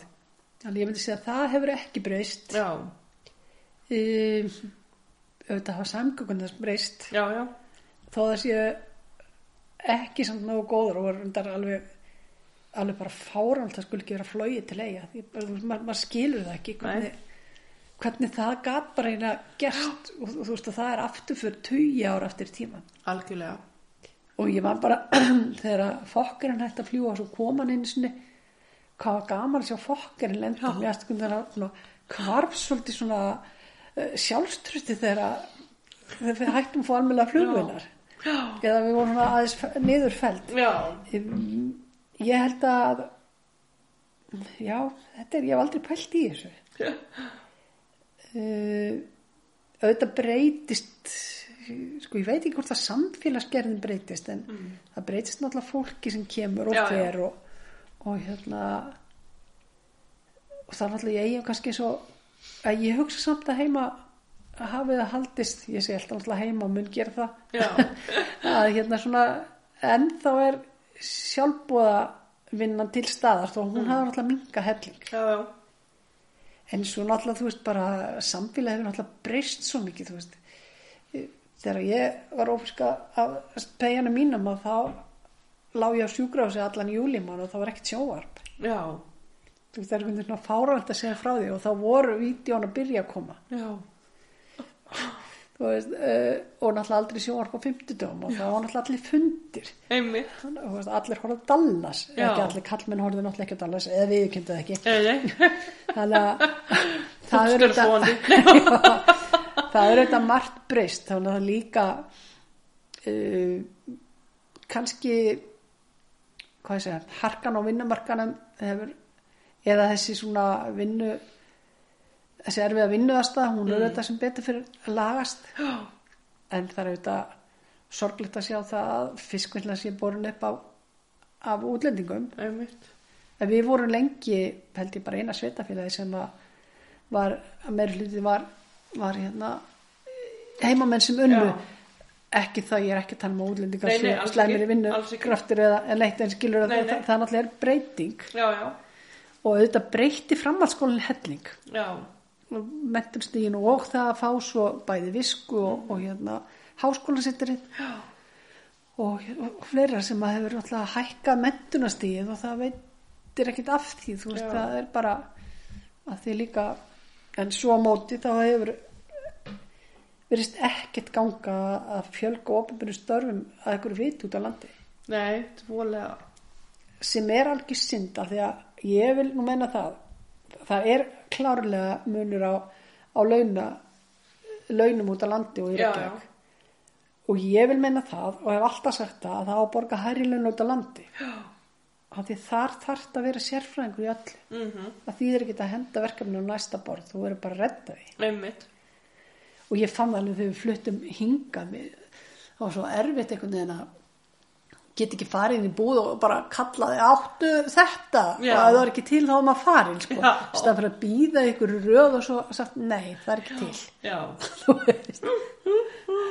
en auðvitað breytist líka, breytist líka samfélagi þegar að stóru keðjurna koma til eiga já, þá fer þessi svona mannlega já, kaupmárun á hófninu, já, já bara þú veist eins og á þjóðatíðinu þau eru allt í lokað þjóðatíðin bara byrjaði já, já, eftir háti og það var allt lokað klukkan 12 einmitt, núna er eh, þú veist, allt meira meina opið já. Ég, veit- ég veit ekki hvort að þau fara aftur tilbaka en þú veist að vera með bankun og póstinn og þetta opið eh, langt Nei. fram drullu nei, banki lokar bara, lokar, já, klukkan 12 held ég, já. þú sér að það var allavega og er vonandi að það í kæra samlingum hjá, hjá hérna drífanda að það er launaði frítagur föstudagurinn já, ok, þannig að það, en það er ekki til þess að vestlunumannum nei, þá þetta sé vestlunumanna helgin sko já, já, það var svolítið breyting á því og líka á sama tíma þetta með að loka í hátteginu já, og allir færi heim að borða já, Ég, opna klukkan 2, já já, og þú veist ég veit að oft hló fólk að þessi komum á land en veit að þetta var í rauninni samt alveg ómetanlegt já, að geta í rauninni hist í hverju hátegi Mm. hitt krakkan sinna og borða saman og svoði fisk og, Já Þannig að ég, ég held náttúrulega bara um, hvað ég segja m- með aukinni uh, fjár eða með, þú veist, með að geta menta sem meira þá getur getum við búið til líka verðmættir störf og þá getur fólk líka sem fyrir að menta sem komið tilbaka. einmitt, Það er kannski svona já, ég er búin að tala um fullt af breytingum. já, en hvað finnst þér enginn að fólk sem býr, eða sem er frá eigum eða og býr í E eigum, Það er svona ákveðið hirspusleysi mm, og uh, kraftur mm uh, þessi samstæða sem ég tala, talaði um en á, mó- á sama tíma er náttúrulega ábúrslega harka sem getur átt í Já. stað og þú, ef þú átt ekki upp á pallborðið þá átt ekki upp á Já, já. pallborðið uh, meðvirknin er náttúrulega ekki góð nei, og hún er náttúrulega er, er ringjandi og kannski Já, já. ekkert skrítið þú veist, það er bara svona, svo margt sem hefur gerst og, já, já, og, og stutt síðan var fara að tala um þetta og, vi- og vinna í hlutunum uh, sko við tölum náttúrulega svolítið tæpundungulaust mm -hmm. og í rauninni kannski svolítið gróf og við áttum okkur ekki á því já, Ég áttaði maður því ég fór að vinna upp á landi að ég sagði bara það sem var sagt heima og það var ekkit, því ég var ekkit alltaf vel tekið. nei, Þannig að það sem við kannski, þú veist, segjum, meinum við ekki, það hljó, e- ekki svo hljómar. nei, nei, Þannig að það er svona, svona alltaf, finnst mér fólk mjög lífsglatt og það þá er ég eins og við með söngin og, já, og þetta að hérna, bara koma heim og góðslöka hátíð er alveg indislegt. já, Það sem að, og það er líka að því ég var að tala um að, eins og með pólitíkina, þú veist, það er alveg magnaðir og þjóðatíða að þá geti bara allir einhvern veginn á einum tímapunkti orðið vinir. já, sittið saman í brekkunni og sungið saman. Já, já. Þannig að ég myndi segja að væri svona kannski þessi, sko, einu sinni, ég, ég á vinkonu sem býr á eilstöðum og við erum mjög ólíkar Já, personur já, en líka ólíkar í svona, hvað segja, hugsun. já, ok, Uh, bara hún er ekkert að flýta sín eftir rosalega mikið að gera hlutina, hún gerir það alveg alltaf, Já, já. en hún er ekki að, svona eitthvað að stressa sig þann, sko. Nei. Á meðan að ég vildi gera hlutina strax já, og kannski sérstaklega því að ef það væri svo ekki tækja fyrir að skera það á morgun einmitt, og það er akkur þetta að þú ætlar að fara til Reykjavíkur þá þarf þetta að vera tilbúin að geta hoppað fyrr eða komið heim seinna Já. eða þú ætlar að þvó þvottið en þá verður að vera tilbúin að hlaupa heim og taka hann inn skilur. Einmitt. Og þú veist, eða bara hreinlega tilbúin að yfirgeða eigin eða það þarf að gjósa aftur já, það er bara, við erum svona einhvern veginn alltaf með plan A, B Já. og C Já. og, og svona nennum við held ég ekki að eitthvað vera dúktlega hluta það er bara að gera hlutina þegar á að gera það já, sem er kostur en það er auðvitað líka gallið þú veist það kostur út í eigum að geta ringt í næsta mann eða hitta hann út í búð og fengið rálingar já, já, en það er líka ókostur að vera aldrei í fríi já, algjör, algjör, Þú veist, ég var alveg hægt því ég var hjá Vestlunumálfélagin að segja við manni minni ég ætla að hlaupa inn í krónu að, og það var allt í lægi skilur en það var samt að hérna, þú verst aldrei í fríi nema og færir í burtu mhm, en hitt er líka alveg svona, og ég sakna þess að þessum fyrir jólin að vera að reyna að fara eitthvað hérna, það er ekkert jólalegt að fara inn í kringlu nei, bara akkurat ekki neitt nei, en, og það er líka svolítið fyndið E- eftir, þú veist hverski sem ég kem til eiga þá finnst mér eiga minka já, það, já, minnst að það var svo stutt í allt já, og minnst gott að labba en svo einmitt fór ég einmitt og ég ákvað að labba bara skilja bílinn eftir upp í banka já, var á bílet, já, fyrir, fyrir, fyrir herrinu upp banka, lappa svona í nýr á strandveg og þegar ég kom út á strandveginu eftir klukktum alltaf allt og lengi herrðu, þá er komið slagur já, og þá myndi ég alveg af hverju maður var alltaf á bílnum já, en þú veist þegar hún svo alltaf rýsið út og koma og ert ekki að flýta já, já, en já, mér finnst það hérna, mér finnst hún alltaf einhvern veginn minga meira og meira og svo var ég mynd að hugsa þann daginn og maður gætt pyrra sig á því að ef maður gætt ekki lagt beint fyrir þetta byrnar í krónunni að því að svo mikið traffík þú já, veist og svo margir inni Já. og þú veist það, það gætt pyrra mann já, og í dag finnst, finnst mér þetta bara sko rosalega vinnald að hitta fullt af fólki sem að þekkir í staðan fyrir að einhverjir er bara kerandi þetta niður í kerrunni og einmitt, þá vissulega sé það ekki allir en það Nei, er svona nei, ákveð já, já. stress og ómanniskilega heiti í, í gangi já. og það getur vel verið að það, maður myndi finna það núna út í eigum en það er öðruvísi já, þannig að ég myndi, mun aldrei aftur kvart yfir því að komast ekki að Þú veist, þessi nokkru bílastæði sem maður vildi bara það er endur alveg satt, og svona finnum maður ekkit á meðan maður býr hérna nei, nei, en, en ég það kannski að meta það að maður kemur já, tilbaka það stendur einni byrjuð og þá er alveg, væri til ég ít á bjölluna, Já En það er líka voða notalegt að koma og heilsa öllum og þekka Já. öllum. Fyrst fannst mér rosa skrítið hérna að þú veist þekka engan já, og geta farið eitthvað Það er reynda þekki maður sko svo sem fullt af fólki en Já, þú já. Veist, að vera í keiri umfyrin og þú heilsar engum. já, já, En svo held ég að- og ef einhver eiga maður keiri fram hjá mér í helski þá er það bara því ég er búin að loka á allt alla já, í umfyrinni rauninni bara eh, er ekkert að spáði hverju er næsta bíl. já. En hérna, finnst þú hafa grætt eitthvað á því að hafa alist upp í? Já, sko ég get náttúrulega ekki svarað því ef Nei, ég er búin nei. að búa 50 ára á sama stað Einmitt. þá væri nú held ég mjög skrítið ef ég segði nei af því að ég er náttúrulega búin að auðvitað grætti maður þetta frjálslega Mhm.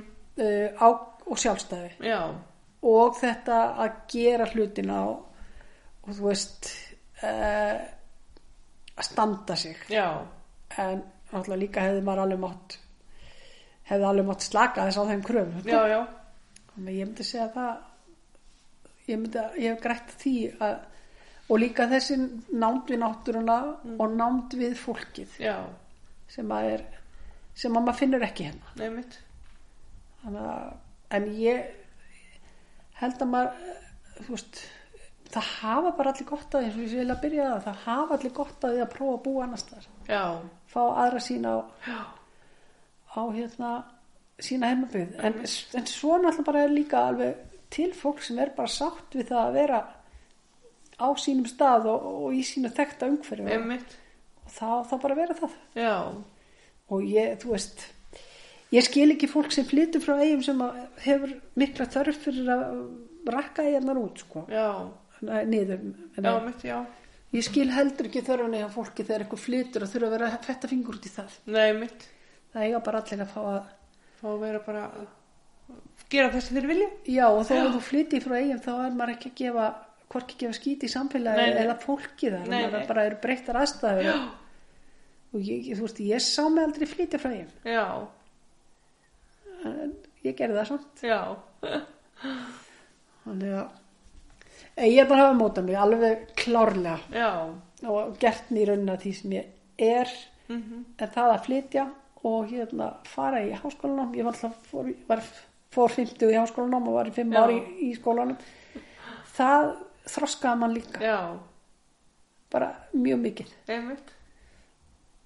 gerði maður svona uh, hvað ég segja, að því það sem maður gerði í eigum gerði maður allt, að því maður þurfti að gera það Já. og lítið bara hafa það og, og, en svo þegar maður fyrir að uh, í háskólanámi og flyttur og þarf að breyt, takast á allar þessar breytingar þá einhvern veginn svona finnur maður að maður í rauninni getur það sem maður ætla sér Já, ég veit ekki hvort þú skilur hvað ég er að fara já, já, já, þannig að einhvern veginn aðeins bara jókjá manni sjálfströstið mm Mhm. að því það er bara hellingsmál að fara í háskólanum já, komingur, en það er bara líka mjög þorstandi og skemmtilegt einmitt.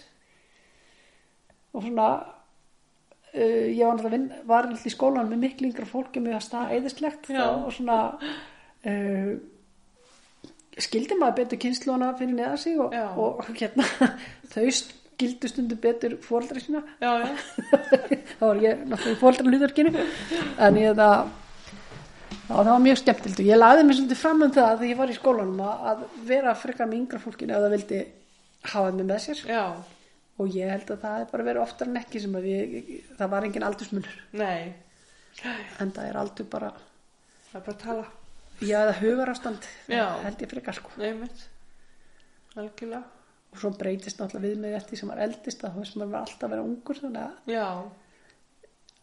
Já, maður, ég mynd bara að segja með úr litlu frænsískinu mína, þau eru náttúrulega eldast og eldast og ég, mér finnst ég alltaf að vera bara hjá gömul, sko, bara Já. 25, Já. en ég hætti að tala það á 27, Nei, nei, svo, þegar maður er eins og, eins og ég er 59 að þá hlakka manni bara til að vera 60 já, mér finnst það mjög spennandi að vera 60 Já. í mestari já, ég veit ekkert hvað það er sko en nei, nei, bara Við eitthvað. veitum bara, já, Já. bara flott að geta fagnar 60 ára afmæli. Algjörlega. En finnst þér eitthvað ábútavalt í þeim? uh, Ertu að menna þá mannlífið eða Bara í öllu? það er náttúrulega, já það er náttúrulega fyrst og síðast ég veit ekki hvort maður getur tekið það saman en þú veist, helbriðiskerfi og samgöngunar Mhm. -hmm. því er bara rosalega mikið ábata Já. og alveg einhvern veginn ótrúlega hvað hefur gengið hægt að, að koma því áleis ég Ég maður því ég, ég, ég settist tvissunum á þing sem var að þingmaður og í fyrraskiptum flytti ég til og maður er kannað mm, með það að stopna sko að, hvað heitir hann svona meðferð við þunglindi já, að því hjaltið náttúrulega Kristján Sigur náttúrulega var haldið frumkvöld í því Mhm. einmitt og við áttum hann að heila hæð sem stóð auð og Já. Mhm. svo öll náttúrufegurinn og, og sundlegin og líka srækta staðlinir og það sko. já, og, og þú veist í rauninni hefur ekkert gerst uh, annað en að sjúkrahúsin bara dala og dala uh, frábær sjúkraþjálfunni sem er þar og, og það allt saman og, Mm. já, já, og öll þessi teim og, það- og sikursíkisteldin og, Mm. og það allt saman en, en þú veist bara að skul ekki vera skullæknir og, og fæðingaþjónustan og Mm-hmm. svona þetta er það bara, það, því er bara verulega ábætt algjörlega og svo að það skul ekki vera flug það er því er bara verulega ábætt og ég já ég myndi kannski segja að þetta veri þetta Já. tvennt sem að sem að er svona hæðst á listanum Já og svo náttúrulega þetta um, þessar fylkingar sem eru alltaf að, að berjast það er, það er eitthvað sem að skemmir allt og mikið fyrir sig já, og væri rosalega gott ef að menn gætu hætt að skipa sér svona, í svona sterkar fylkingar mm. því að það er enginn alvondur eða Nei. allslæmur nei, og þú veist, við kannski virðum ekki alveg nógu mikið skoðanir hvers annars einmitt eða ekkert kannski, það er bara þannig já, já, og það mætti, það mætti minga já hætt að setja sér upp á okkur stall Já, já, ég þú veist bara og, og, og, og svona sjá ekkert gott í manneski sem er vinstri sinni eða hægri sinni einmitt. þú veist, eða þórar eða týran eins og það var já, eða, já, algjörlega Að, hérna, það hefur verið svolítið ljóður á á eigunum Já. og maður hefur þetta alveg tekið þátt í því í pólitíkinu já, já, Að, hérna, og sem, er- sem er bara ekkert gott nei, einmitt algjörlega en hver er uppáhald staður þinn í eigum, eða á eigunum sko, það eru svo margir smáeðnar er náttúrulega eitthvað sem er bara svona hvernig grift í Já. höfðu á manni uh, það er svona staðunum sem ég get hort mest á já, heimaklettur er náttúrulega bara svona kletturinn í lífinu já, og hérna og, og brimurðin er náttúrulega hlæðslutæki mitt já uh, já, ég myndi segja að það sé og þess að ég var að tala um steinstaðarúndurinn náttúrulega svona ákveð mhm, ákveðið svona já, lífstafn já, um, svo náttúrulega Herjólfsdalur á þjóðatíð hann er náttúrulega kannski ekki sérstaklega fallegur svona golföllurinn já, en ég myndi svona ef ég á að velja eitt að þá myndi ég segja að það væri smájarnar já, og svona hamarinn já, bæði í góðu veðri já, og í vondu veðri Já. Mm. það verður náttúrulega bara alveg stórkostlegt að sjá kraftin og finnan og einmitt, og það allt saman sko ef það fyrir ekki yfir strikið sem það gerir alltaf oft já og bara sól þú veist sólsetur við smáðar Já. það ég er búin að fara við um landið og, og ég er búin að sjá sólsetur og, og maður alltaf sér það hérna þanniglega séð en það er ekki það er ekki þessi nálagt Já. þú veist það nánast eins og þú bara get teikt í sólanum Já. hjá hann að sökki sér kannski er þetta núna fyrir vestan, ég veit það ekki já, en já, ég myndi segja það það er svona minn uppáhaldstæður já, og svona þegar við byggum út á dverkamna að sita fyrir aftan hús náttúrulega horfa út á sjóin já, og, og heyra í kindunum Já. inn í dal og fuglunum og svo svona eina töðru skella Já. á hérna já en mér langar að fara í fullkonast lögun og þá hverju þanga já, að það, já, að þetta, allt þetta sambland já, nær maður ekki svo kannski, kannski einn bíl já, þannig að það er, ó, ég dætt alveg inn í þennan stað bara, já, það er ekki jú, og svo náttúrulega finnst mér alveg óendilega vænt um landakirkju já, það er alltaf bara, þú veist þar er maður skýrður femtur, Einmitt. þar giftu okkur börnin okkar skýr, börnin okkar femd já, og Svona athvarfið. unnum þar náttúrulega lengi líka þannig að það er það er einhvern veginn engin kirkja sem kemst í hálkvisti við hana Nei, mitt. nema kannski Garðakirkja sem er hérna eh, út á Altanesi eða Já, og það er svona svolítið sjóara kirkja já, þannig að það er já en finnst ekki það heimaklettir er bara einhvern veginn svona, einhvern svona staðfesting þú veist, Já. einhvern svona staðfast en þú heyrir það kannski að það er engin staður upp á hraunni sem er Nei. fallegur það var samt alveg gaman eftir gósa að fara upp á hraun og hérna þegar hraunni var ennþá heilt já, og leika sér þar sko og þá var fallið litir og svona einmitt. En kannski eitthvað svona, já, Eh, ég er náttúrulega, Gauðlundur hefur náttúrulega látið á sjá en, Já. en hann var náttúrulega rosalega falleg vini í þeim myrkunni. algjörlega. Hann var alltaf voða stoltur af Gauðar og ömmu sýsti mín Já, af, af því sem hún og Elli gerði hann upp frá. já, Það var bara hann frábært. já. Nei, maður er mitt vonast að því að, eftir því að hérna, að honum heldur, verði nú haldið við, Já, þessu lundi sko. Eftir að Jónas fór líka. já, einmitt. Þannig að, ég veit ekki hverju að hugsa maður núna, hvort það sé bara bærin eða, Nei, nei, maður þekkir það ekki. nei, það kynna við það. Nei, jú. Já, en Já. hérna, ertu með ykkur hugmynd til að efla samfélagið? þeirra stórt spurt. Hmm. Uh, já, í rauninni held ég að samfélag eflist bara með meiri, með fjölbreyttari vinnu. Já, það er í rauninni með fjölbreyttar aðlífi já, að þá kemur svo margt já, mitt, ég held að það sé og það hefur náttúrulega alveg breyst alveg rosalega mikið já, eh, að, frá því að vera bara fiskurinn og í rauninni ekkert annað já. yfir í það að vera fjölbreytt þú veist, já, eins og ég var að tala upp áðan hérna háskólasetri einmitt, náttúrulega sílæf núna er orðið, orðið flott Mm. og að, og sko þú veist breytingi sem eru orðið í fiskvinslinu frá því að vera Já. bara flakka fisk og, og, og, og vinna hann ekki neitt í, Já, já. í það að vera með þessa flottu vöruþróun og, og það allt saman og, einmitt, og, já, ég myndi segja það að framþróun í eigin snýr náttúrulega að þessu sem ég sa- talaði um líka áðan að það séu samgöngur já, að það sé góð heilsugæsla einmitt, og að skólanir séu góður ég held að þeir séu það í, í eigin sko. Já. Mhm. vel mannaðir og, og það allt saman það skiptir líka máli, það skiptir Já. máli að vera með hérna, mentaða kennara í, í, í skólanum já, já, algjörlega, og að það hlutfall sé sem hæst já, en svo náttúrulega framþröðun í eiginu verður náttúrulega engin ef að, ef að, ef að fólk finnur ekki taktin saman nei, nei,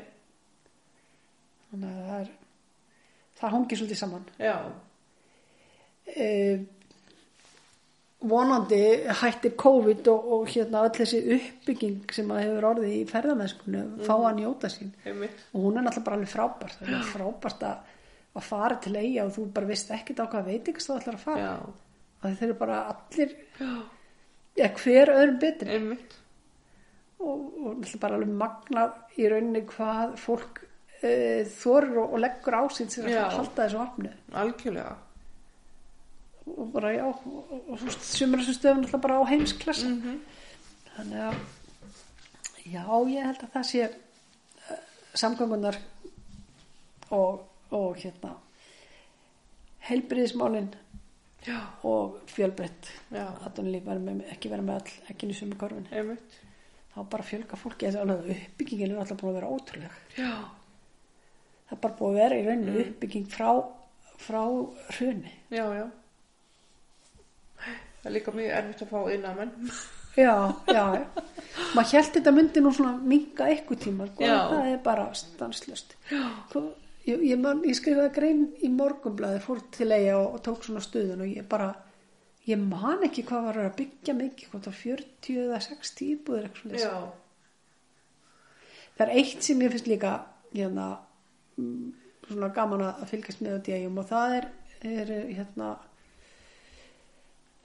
hvað ég segja, íþjórtafélag fallara, sambílið, þessir einstaklingar sem að eh, eru kannski hluti margir hugsanlega já, með að við íbúafjölda ég vil ekki kalla á krakkana en ég Nei, ger, nei. ger það ofta þetta er fullari fólk já, já, algjörlega, að hvað, það er mikið svona líf og fjör og starf og, og samþyggi kringum þau já, og ég held að það hljóta að vera mikill munur að búa á, til dæmis í eigum hvað það varðar og Já. annar staðar en svo vantar auðvitað ímsa þjónustu sem maður er ekki hægt að fá já, þar einmitt þannig að það er kostur og gallar í öllu já, það er það það er stikkorðið í dag Já, en hvernig finnst þér við, viðhorfi hjá sem sagt, eh, fólkinu hérna upp á landi gagvart verðmanneigum?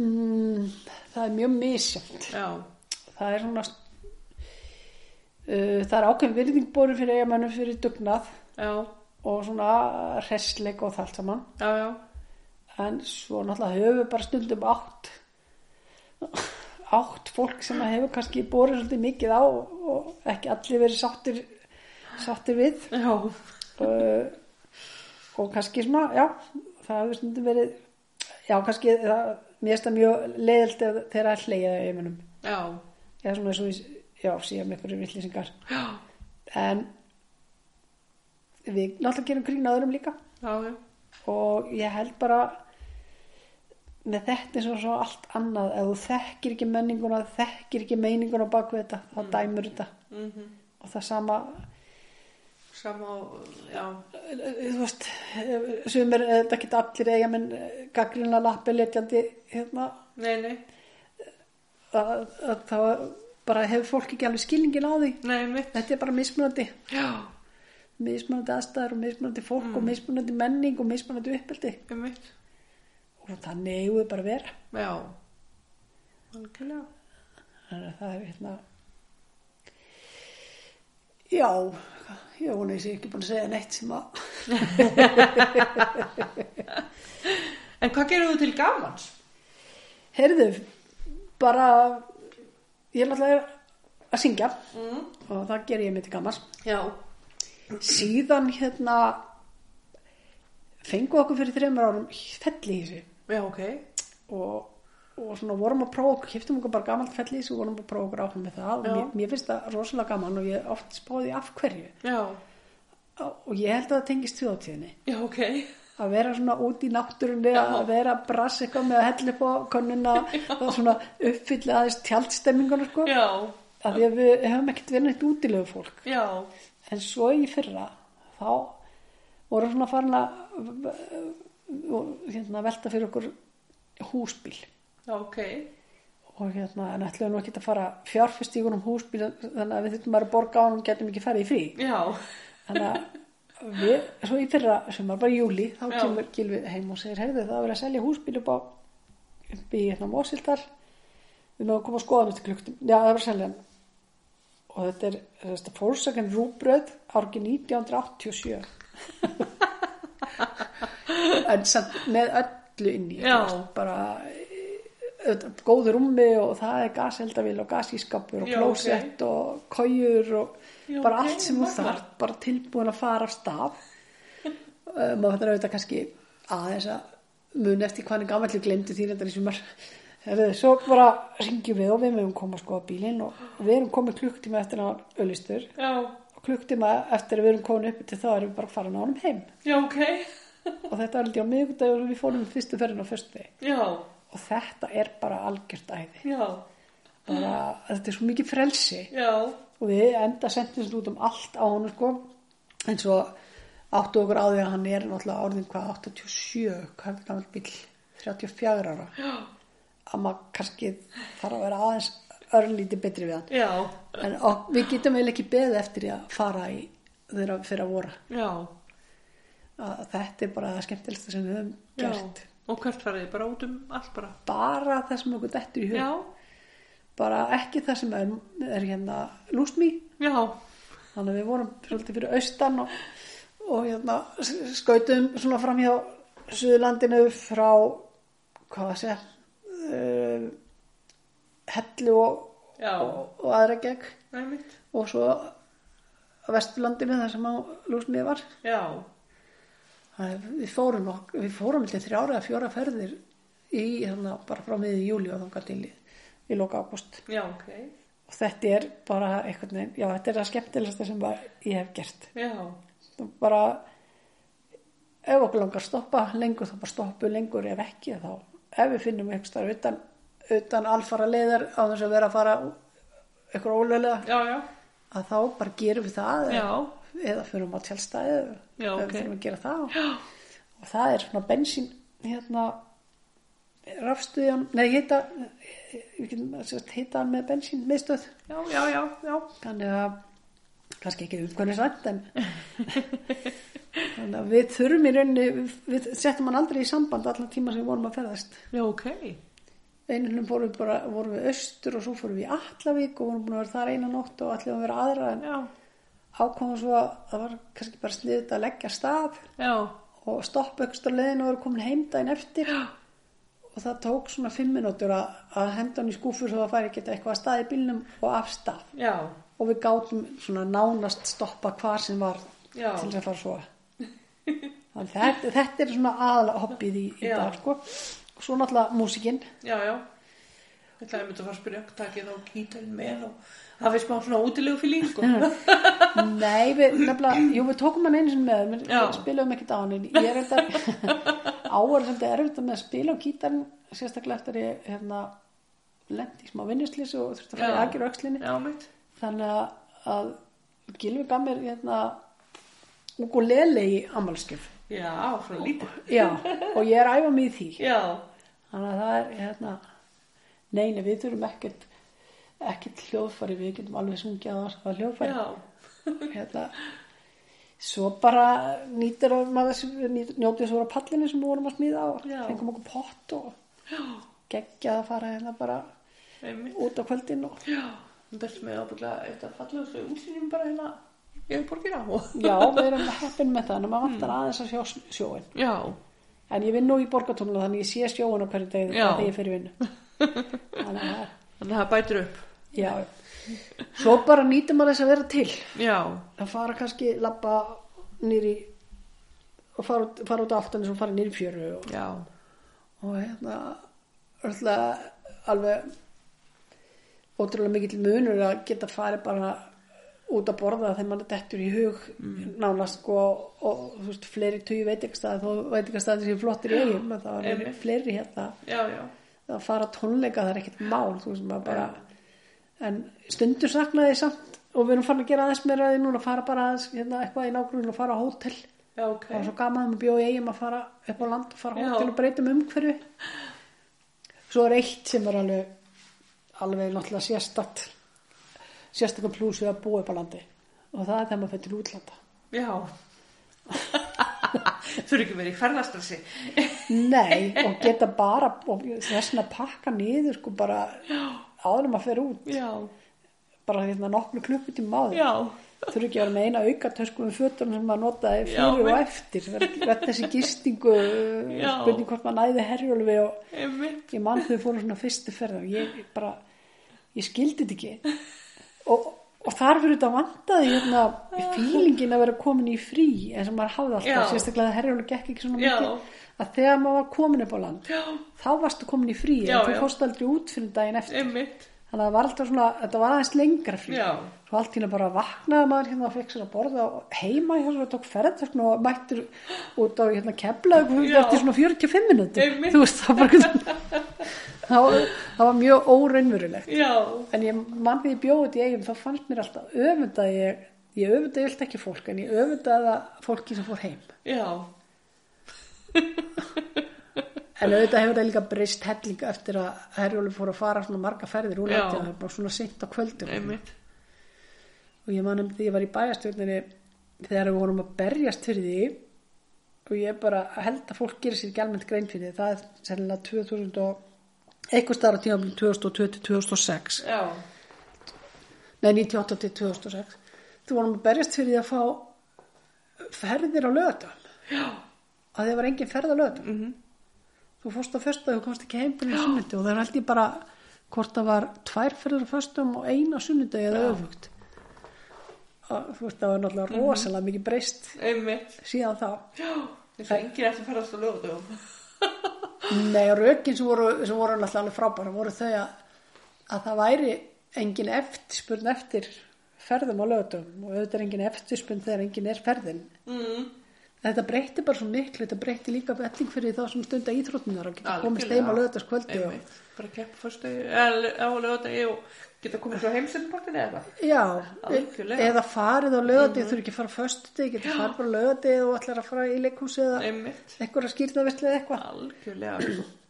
Það var, já, já.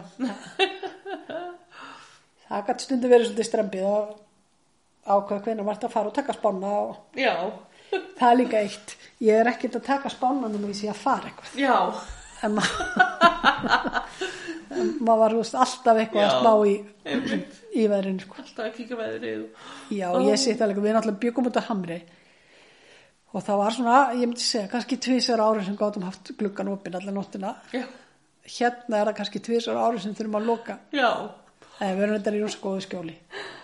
Og það var líka svolítið fyndið þegar við fluttum út á Altanes. Já. Fólk var svo nextlað okkur. já, Að fara út á þetta, hérna það var svo mikið rók þetta já, ok og við skildum ekkert hvað fólk var að tala um að því að Já. vissilega blésatna en þú veist, Já, það var já. ekkert, það var ekkert, þetta var ekkert rókaraskast. nei, nei, Svo þegar við flytjum hingað eina í brekkubiðinu í Garabænum, þú veist, það sem er og onni svona kvilt, að þá allt í henni áttu okkur á því hvað fólk var að tala um. já Við hefum nefnilega aldrei búið í lofni. nei,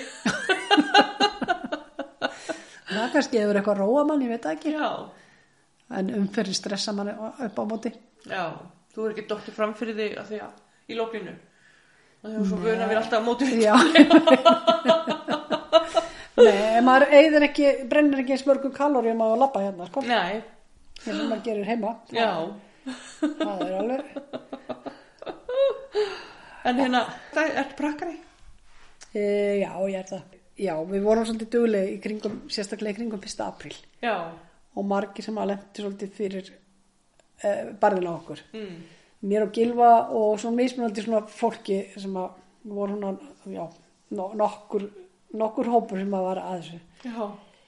En svo einhvern tíman rétt fyrir jól að þá, nei ekki fyrir jól, rétt fyrir þjóðatíð, þá kemur byrtist auglýsingu blöðunum um að sé þjóðatíðtjald, þeir sölu allt innbúð og, og símónum er okkar gefið upp. og það var, það var alltaf ótrúlega fyndi að gera þetta rétt fyrir þjóðatíð og- Já. og sími stoppaði ekki. Einmitt. Og þá áttu okkur á því að við gátum í rauninni ekkert fundið út hver þetta var af því að það áttu svo margir inn í hjá okkur. þetta var svo stór hópur að það var, hérna, það var ekki hægt. Nei. Þannig að það- að hérna, já, það áttu okkur á því. Þetta var svona frekar. Og hafið ekki fundið út hver það var? Nei, við höfum sko þó nokkra grunna en, en hérna við höfum svo sem ekkert við, já, þetta voru svo margir það bara var ekki hægt að fara að leggja í þá Nei, einmitt. konum Ah. en svo náttúrulega líka bara alls konar fjör og fýblar í kringum Einmitt. þjóðatíð Já, já. og maður saknar hennar alltaf, en þetta er langt síðan fyrir þjóðatíð síðast Já. Og það, mér fannst samt sko þjóðatíðin þegar maður var með krakkana litla það vantar rosalega mikið þegar það er Já. eitthvað farið Já. það er svona aðeins í fjölskyldu þjóðatíð og Mm. en kannski kemur maður ekkert um aftur á þjóðatíð því ég er alltaf Já. allavega frekar á frekar bara bátt fyrir þjóðatíð og í Já. kringum þjóðatíðin og alveg sama hvað líður langur tíma maður er alltaf einhvern veginn eftir hátíð og föstu með hugan heima í eigum og, og, þú veist á, á föstaskvöldinu Já. líka og svo náttúrulega þegar brekkusungunni var Já. En ég mynd, já, já, því ég var að segja við þið fyrr í viðtalinu að, að Gylfi hefði ekki gert sér grein fyrir, því fyrir en, að, þú veist hvað, ég væri mikil lundafissa. Já.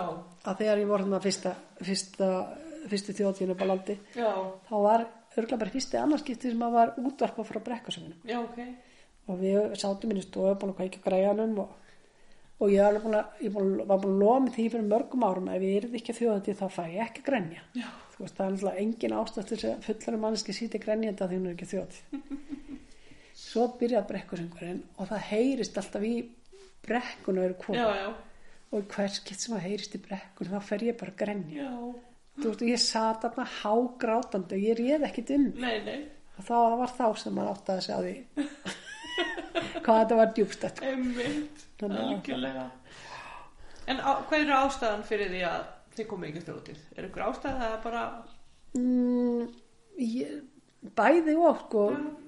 uh, svo kannski það er erfið að við það þegar maður er farinn já, skilur við eigum með það tjaldi og allt þjóðatjóðdjóti um, það er líka bara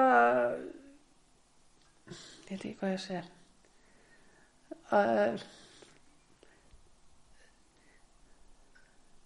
kannski er, er kemur alltaf tímapunktur það sem að bara ákveðnum hlutum er lokið mm ef ef maður getur ráðað já, þannig og ég er svona meiri þjóðatjóðmannskjaldur en gilfi já, og, og þú veist, ég getur þetta alveg farið inn á þjóðatíð en mér finnst það bara ekki það já, sama nei, það er ekkert, það er ekkert skemmtilegt, sko. Nei. Jú, svo fór ég eins og með, með hérna, mákunum minni, við fórum á þjóðatíð Já, uh, eftir við fluttum upp á land og það er bara allt annað að vera á þjóðatíð og vera undirbúin og vera í orkunni heldur en að koma já, og við fórum hann á komum til eiga um hátíð á sundi já, og fórum tilbaka klá fjögur á nóttina eða sex, ég man ekki hvort að fjögur að sex já, og þú veist, ég hef oft verið lengin í dal en það að vera inn í dal að býða eftir ég að fara með herjónu já, þú veist, það er mjög sjúrið, það, fyrst það eitthvað. er mjög súrælið já, það er það einhvern veginn og það sem var ennþá einhvern veginn verra og svona uh, gerði það svona að maður átti að segja á því að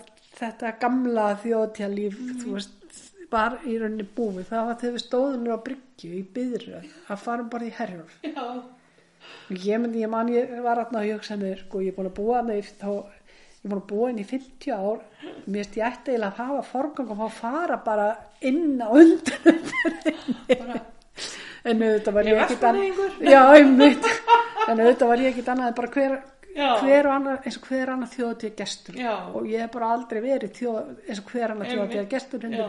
heimamaður á þjóðatíð já, en það var samt rosalega gaman að koma við reyndar vorum eina þjóðatíð þá vorum við tjaldna svo ég held að það var ekki hægt já, reyndar höfðum við lánað tjaldið okkur og fengum að, að, að vera með í því já, á þess að vera að setja tjaldið upp og taka það Einmitt, niður já. og allt saman. Reynda fannst mér það samt alltaf e, var mjög skemmtileg sko, eiginlega undirbúningunum og frágangunum var alveg jafn skemmtileg svo já, þjóðatíð. já, já, Það er svona myndast sérstök stemming og, einmitt, þrýfa tjaldið og já, græfa og gera, að tökur því nóg til að pappaglásum og allt þetta. já, einmitt, einmitt þannig að ég veit ekkit hvað hefði gerst ef við hefðum farað á fyrstu þjóðatíð og hvort maður hefði náða að halda því Já, en og já, manni langar alltaf jafn mikið en gerir ekkit í því. já, Svo bara mæti maður ekkert mann. já, algjörlega. Alltaf velkomin, Já, fallega vona. já, já, það er alltaf voða gott að koma til eiga Já, það er samt svolítið skrítið að hérna, við höfum alveg fengið nokkur sinnum svona viðmót hvað er þið að gera hér já, ok, já, og það er skrítið Já. það er skrítið að maður er búin að búa í 50 ár já, og kemur heim til sín einmitt, og fær þessar viðtökur og jafnvel að fólki sem er ekki fætt og uppalið í eigum já, en það er minni hlutir en, en það, Já, er, já, það er en alveg svona sama. uh, stingum hann að það sko algjörlega. en ég myndi samt segja sko, Þinn 90 heimabær þótt að þú búir það ekki. Já, já, já. Þá ég búið það ekki núna, þá þú Einmitt. veist að ég er búin að leggja mitt í samfélagsins í gegnum Algjörlega. tíðina. En þú veist, 99% Já, já. taka manni fagnandi. Já, já, Og kannski er þetta einhver húmor sem að, hérna, svona miskilin húmor sem að, já, sem maður skilur ekki. nei. en það kemur ekki veg fyrir að koma til eiga. Nei, nei, Það er hérna bara mjög gott. Já. En ég, mér veist ég fara á sjaldan já, og kannski bara getur maður bætt úr því eða kannski er þetta bara veruleikin þegar maður flytur í burtu og þá það er svona rofnar eitthvað og maður fyrir Já. minna ertu með eitthvað svona loka orð fyrir okkur? Sögu eða eitthvað? um, nei, kannski, já, ég veit ekki ég var nú ekkert búin að hugsa þannig Nei, en ég held kannski bara ég er bara mjög þakklátt fyrir að hafa í rauninni alist upp í eigin já, og hérna og þið gerir alveg rosalega vantum þess að ég og fólki sem býr þar mhm, bæði með kostum og göllum sem Já. er svo oft komið inn á í dag einmitt, og ég held bara annarkort eftir því sem maður eldist eða bara þroskast mismændi hvernig fólk þroskast já, að þá bara þú veist fer maður að hægt að taka sjálfa sig eins alvarlega sem maður gerði já, og það er rosalega gott og fyrir svona já, bara að njóta augnablíksins mm. þetta er allt svona einhverja klísjur en það er samt bara maður ræður þú veist, svolítið mikið sjálfur hvernig maður tekur hlutunum einmitt. uh, og þetta er þetta allt auðvildar þegar allt leikur lindi Já, já, en ég bara já, ég vona bara að Vestmann er haldið áfram að dafna og þeir eiga alla, alla burða og möguleika til þess og þú veist, þetta verður alltaf þetta verður alltaf eiga mín og mín, mín heimabyggð og Já. mitt, mitt heima sko. einmitt. og ég, hvort að Já, ekkert kannski endilega vonaði ég komið til eiga á næstu árum en þú veist, ég er alveg búin að segja það við, við minn manna, þú veist, s- að eða síðustu árum við eigum var alveg Já, físilegu kostur. einmitt. Það er bara, hérna, já, en við sjáum bara hvað gerst. Ég, Já, já. Maður veit, engi veit sinn nættustætt. Algjörlega. Það er bara, kemur í ljós. Já, Og bara í laga því að þetta er þáttur sem kemur, já, þeir að fara að líða á jólum. já, að þá bara vona ég allir eiga menn eigi gleðileg jól já. og bara haldi áfram að vera góðu við hvernig annan og, og hérna sína samstöðu þegar á þarf að halda einmitt. og kannski oftar Já, hmm. ég held það bara já. Bara takk hæglega fyrir spjallið. já, Og sumulegis hérna aldrei að vita nema að ég pikki í því aftur eftir hann. já, já, bara velkomin Búin að gefa út diskiðinn. Bara geta ég skil- eða, eða bókina Eða bókina, já. Já. Nóg að gera. Kynningin á sögubrútinu verður með aðeins öðri sér hætti heldur en hefur verið og hérna, ég ætla að lefa Guðrúnu svona að segja okkur frá jólalæginu sem hún samti. já, þetta er fyrsta jólalagi sem ég sem og fyrsta lagi sem ég gef út sérst, á, já, gef út og er búin að setja á Spotify Já, þannig að þetta er allt voða spennandi og, og hérna bara gaman að, ég- að vera búin að koma þessi á þennan stað og vonandi bara byrjun og fleiri, fleiri lög koma út en lagið heitir Fríður og Jólnót já, sem að ég samti sérst 2016, byrjaði sem ég 2016 og kláraði 2020 já, og hérna ég fekk Helgum Öllu til þess að syngja lagið og fekk tvo góða einstaklinga Helga Reyni Jónsson og Snorra Karl Pálsson til þess að útita með mér og síðan var það Þórður Gunnar Þorvald, Þorvaldsson sem að Þorvaldsson sem að mixera það já, og hérna það bara textin eh, vonandi höfða til fólks mér langaði að gera lag sem að var er svona hátilegt en samt í svona gefur ákveðna von í, í millikaplanum eða viðlæðinu og og bara að hérna já þetta væri svona jólalegu text, eða text í anda jólana og friða bóðskaparins og bara þegar að lögin mín eða textandi snertaði fólki að þá þá er bara eh, það er bara eiginlega besta sem ég veit já, að ef maður nárast- nær að snertaði fólki með lögum eða textum einmitt, og ég bara vona að hérna, fólk hlusti á þetta og, og njóti og ef það er ánægt með þetta að það setja það bara á Spotify lagalista sinn já, af því að þetta er líka ákvæði metnar í mannum manni langar að láta hlusta, láta hlusta sko einmitt, og hérna og bara að fólk komist í jólagýrin og að hlusta á jólalæði mitt já, og hver veit nema það byrtist fleiri, ég veit ekki Já, já. ekki mjög ljós það kemur ljós, en friður og jólanótt, ég bara gjör þér svo vel já, takk.